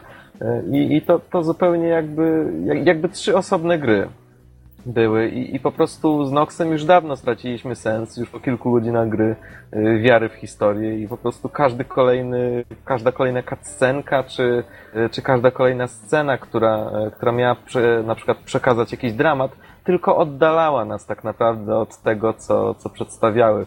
Więc po prostu myślę, że, że tym czynnikiem, który spowodował, że, że na przykład w pojedynkę grałoby się źle, e, jest ten, jakby nie wiadomo, w którą stronę idzie fabuła. Jest strasznie nudna, powtarzalna i, w zasadzie e, nic dziwnego, że po kilku godzinach człowiek może po prostu odpaść, bo, bo to się nie trzyma kupy. Dobry gameplay, dobry gameplay walki e, niestety, niestety nie może tego wyratować. Więc e, mogę powiedzieć, że mm, Mhm. w tej grze jest taka swoista walka postu z karnawałem. Post miałby symbolizować pokazanie dramatu, takiej głębokiej fabuły, która w zasadzie może haczyłaby o coś w rodzaju The Walking Dead The Game, które jak wiemy naprawdę mocno pokazało tą fabułę, a karnawał byłby tutaj właśnie takim, takim przyjemnym gameplayem, by, by grało się fajnie. No i w zasadzie Saints wyszło... Row z zombie. No właśnie, i wyszło ani jedno, ani drugie. I dlatego, jeśli chcecie grać w pojedynkę, to zdecydowanie odradzam, dlatego że no, znudzicie się, po prostu nie wytrzymacie i rzucicie to wszystko. Natomiast y, granie w koopie y, właśnie jest o wiele lepsze, dlatego że wychodzi ta współpraca, chociaż niezbyt podkreślane przez gry, ale jednak mimo wszystko, y, na przykład na zmianę prowadzenie pojazdu, osłanianie się wzajemne, y, czy nawet po prostu rozmawianie i śmianie się z błędów, y, czy niedoróbek fabularnych jakie występują w grze. Więc, y, więc ostatecznie mogę powiedzieć, że jeśli chodzi o, o koopa, to grę nazwałbym swoistą, wstydliwą przyjemnością. Mimo wielu niedoróbek, mimo tego, że w ogóle nie trzyma się kupy, grało nam się całkiem fajnie i myślę, że bawiliśmy się całkiem dobrze. Ale tak jak mówię, y, w pojedynkę naprawdę bym się na to nie porwał. Y, I pamiętam, kiedy Bizon powiedział nam, słuchajcie, kupiłem Dead Island na konsolę, więc będę grał sam. To my z Noxem już praktycznie wiedzieliśmy, jak to się skończy. Że gra nie zostanie ukończona. I chyba tak się stało. Oj tak, bardzo szybko się zniechęciłem do tej gry. Y, głównie przez ten system walki, który no, jakby nie patrzeć jest bardzo specyficzny, ale zarazem też powiedzieliście na tyle dużo dla mnie nowych rzeczy, że może gdzieś tam jest to drugie dno, które zostało przeze mnie zupełnie pominięte, bo absolutnie nie wytrzymałem dłużej niż 3 godziny z tą grą. Mhm. A to spróbuj może zagrać z jakimiś obcymi przez internet, nie. może to ci trochę da. Nie? nie? Grałem z obcymi ludźmi, jeden wielki chaos. okay. Znaczy, to ja też właśnie mówiłem, tak? Bo jakby nie wiem jak jest na PC, ta wersja Xboxowa domyślnie ma ustawione, że ludzie mogą dołączać tak, do tych naszych sesji, czy tam my możemy do ich, jeżeli znajdujemy się można, blisko. Można to ustawiać. Mhm. Yy, natomiast yy, bez takiej komunikacji bezpośredniej z tymi graczami to nic to zupełnie nie wnosiło do gry, tak? No nawet próbowałem, wiecie, z mikrofonem i tak dalej, ale kurde, no siedzi po drugiej stronie osoba, jakoś wrzeszczy coś, zupełnie biega w cały świat, no. Nie, mamo, nie chcę rosołku. No, mniej więcej trochę w ten sposób.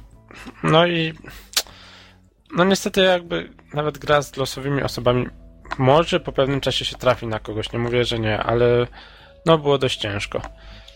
Mhm. A tu jeszcze, Don, wspominałeś o tych postaciach, o fabule. A, wspomniałeś też o, o arenie, ale jest arena w grze. Tam gdzieś, pamiętam, była ukryta tak, taka. Tak, jest i w zasadzie nawet e, to, to polegało mniej więcej na tym, że można na taką arenę wejść i, i po prostu y, odpierać kolejne fale zombie. No i tyle. Tak, tak, jakieś tam były rankingi tego trybu, ale taki dodatek... Już pewnie dawno schakowane, dlatego że jeden z graczy odparł chyba 990, 998 fal w ciągu 40 minut. Tak, a, a niektórzy, niektórzy mieli 100 ileś fal i chyba 4 godziny, czy więcej, już nie pamiętam. No, w każdym, no, w każdym razie... razie w każdym razie taki po, dodatek. W każdym razie powiedzieliśmy o grze już całkiem sporo. E, ja i Nox i Bizon i Gexen też coś dodali, więc e, myślę, że drodzy słuchacze, mm, opinię możecie już wyrobić sobie sami na podstawie tego, co myśmy usłyszeli. E, Ale powoli czyli generalnie lepiej dać y, grze szansę, tak?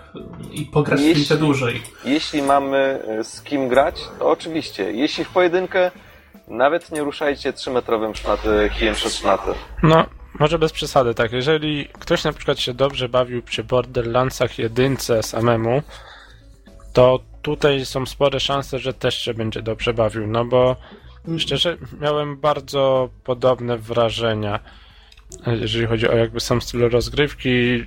W Borderlandsach jedynce nie czytałem tych dialogów, tutaj też to olewałem i, I, jest to podobne, bym powiedział. Biegamy po świecie, załatwiamy masę różnych questów pobocznych, głównych. Jest może mniej kolorowo, mniej jakoś tak fantastycznie, ale znowu e, choć w sumie i bronie są na swój sposób podobne, to podobny typ rozgrywki, więc jeżeli ktoś się dobrze bawił przy Borderlandsach jedynce samemu, spore szanse, że i tutaj będzie się dobrze bawił. Tak, i, i mimo wszystko trzeba pamiętać, że gra broni się settingiem, czyli to umiejscowienie akcji na bezludnej wyspie nadal jest dość wyjątkowe. No i tylko nie spodziewajcie się żadnej super fabuły, tak jak tutaj Don wspominał o tych o, o, tym, że, że tutaj bardzo gra kuleje i tak jak ja na początku mówiłem, ja nawet nie pamiętałem na początku tej recenzji, jakie były postacie i czym się zajmowały, no to świadczy o tym, że faktycznie twórcy źle to nakreślili. Pod tym względem dużo lepszy jest Left 4 Dead od Valve. Tutaj, chociaż tam fabuły pozornie jest dużo, dużo mniej, to człowiek po prostu pamięta, z jakimi postaciami miał do czynienia, nawet zna ich charaktery, więc pod tym względem narracja jest poprowadzona dużo, dużo lepiej. Dla porównania mogę tylko przytoczyć jeden przykład, już tak naprawdę końcowy, żeby nie przedłużać. W pewnym momencie myśmy trafili z Noxem na takie laboratorium, tajne laboratorium, w którym prowadzono badania. No i myśmy sobie pomyśleli, że pewnie coś będzie w stylu bodajże Umbrella e, z, z tego uniwersum Resident Evil bodajże. E, poprawnie, jeśli gadam głupoty. Tak, tak, w każdym tak. razie spodziewaliśmy się, spodziewaliśmy się wielkiego tajemniczego laboratorium, w którym pracują szalenie ważni naukowcy, którzy są obraniani przez wojsko i będziemy mieli całą masę przekopywania się przez tajne organizacje. Okazało się, że to są trzy pomieszczenia, jakieś laboratorium, jeden ochroniarz. Cześć, cześć, co tam? A, w porządku u nas. To na zewnątrz jest jakaś epidemia? Także tego typu, tego typu niespodzianki nas czekały. No, no i jak mówię, no, wszystkie nasze opinie już usłyszeliście. E, i myślę, że, że na tej podstawie będziecie mogli wyro wyrobić sobie własną opinię, a my tymczasem już chyba będziemy kończyć. Mhm, tak. Zgadza się. A, Don, przypomniałem sobie jeszcze o czymś. O No naszej, dalej. o naszej magicznej łodzi, na której w jednym momencie y, na, płynęła, mm, bo właśnie dzikuska z jakiegoś y, tego tu miejscowego plemienia, Rastafanin, y, gość z cygarem i kto tam jeszcze był? No nieważne, ale to był tak bajeczny zestaw postaci, że to nie można było tego potraktować poważnie w pewnym momencie, nie uważasz? Ja, ja tylko się zastanawiam, jak to wyglądało mm, w scenariuszu. Rastafarianin palący narkotyki, jakiś wódz indiański, jeszcze ktoś, razem płyną na łodzi, żeby... żeby ocalić jednorożce. I tym przyjemnym akcentem, mam nadzieję, kończymy. Dziękujemy Wam bardzo za uwagę i do usłyszenia w następnym odcinku. Trzymajcie się. Cześć. Na razie. Dajcie mi jeszcze powiedzieć jedno zdanie, O nie! Aha. e, bo całkiem możliwe, że w przyszłym tygodniu już mnie nie będzie na podcaście przez jakiś czas. Eee, E, Jakby nie patrzeć, równo za tydzień wypada mi termin. O, premiera. Premiera, tak. Gratulujemy, Bizonie. Poród mojej córeczki i możliwe, że przez chwilę będę po prostu no, za podcastem. Trzymamy kciuki za Ciebie, Bizonie i no cóż, będziemy z Tobą. No, nie wątpię. No i gratulacje przede wszystkim. No, będziesz mi gratulował, jak już będzie, będzie po po wszystkim. Tak jak dziękuję Wam za, za słuchanie. Trzymajcie się i mam nadzieję, że jeszcze do szybko. następnego odcinka. Na razie. Na razie. Cześć, trzymaj się.